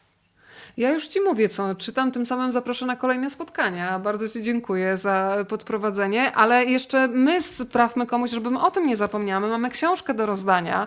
E, Pod, w zasadzie jesteśmy już 4 grudnia, więc zaraz sprawdzimy, kto był grzeczny i do kogo przyjdzie Mikołaj. Mikołaj, tradycja jest prosta. Podajesz mi ulubioną cyfrę, liczbę od 1 do y, 15. E, I ten mail, który będzie 15 i wpadnie do mojej skrzynki, już Państwu podaję adres. Raz, dwa, trzy, szybciutko rozmawiam, bo lubię gmail.com.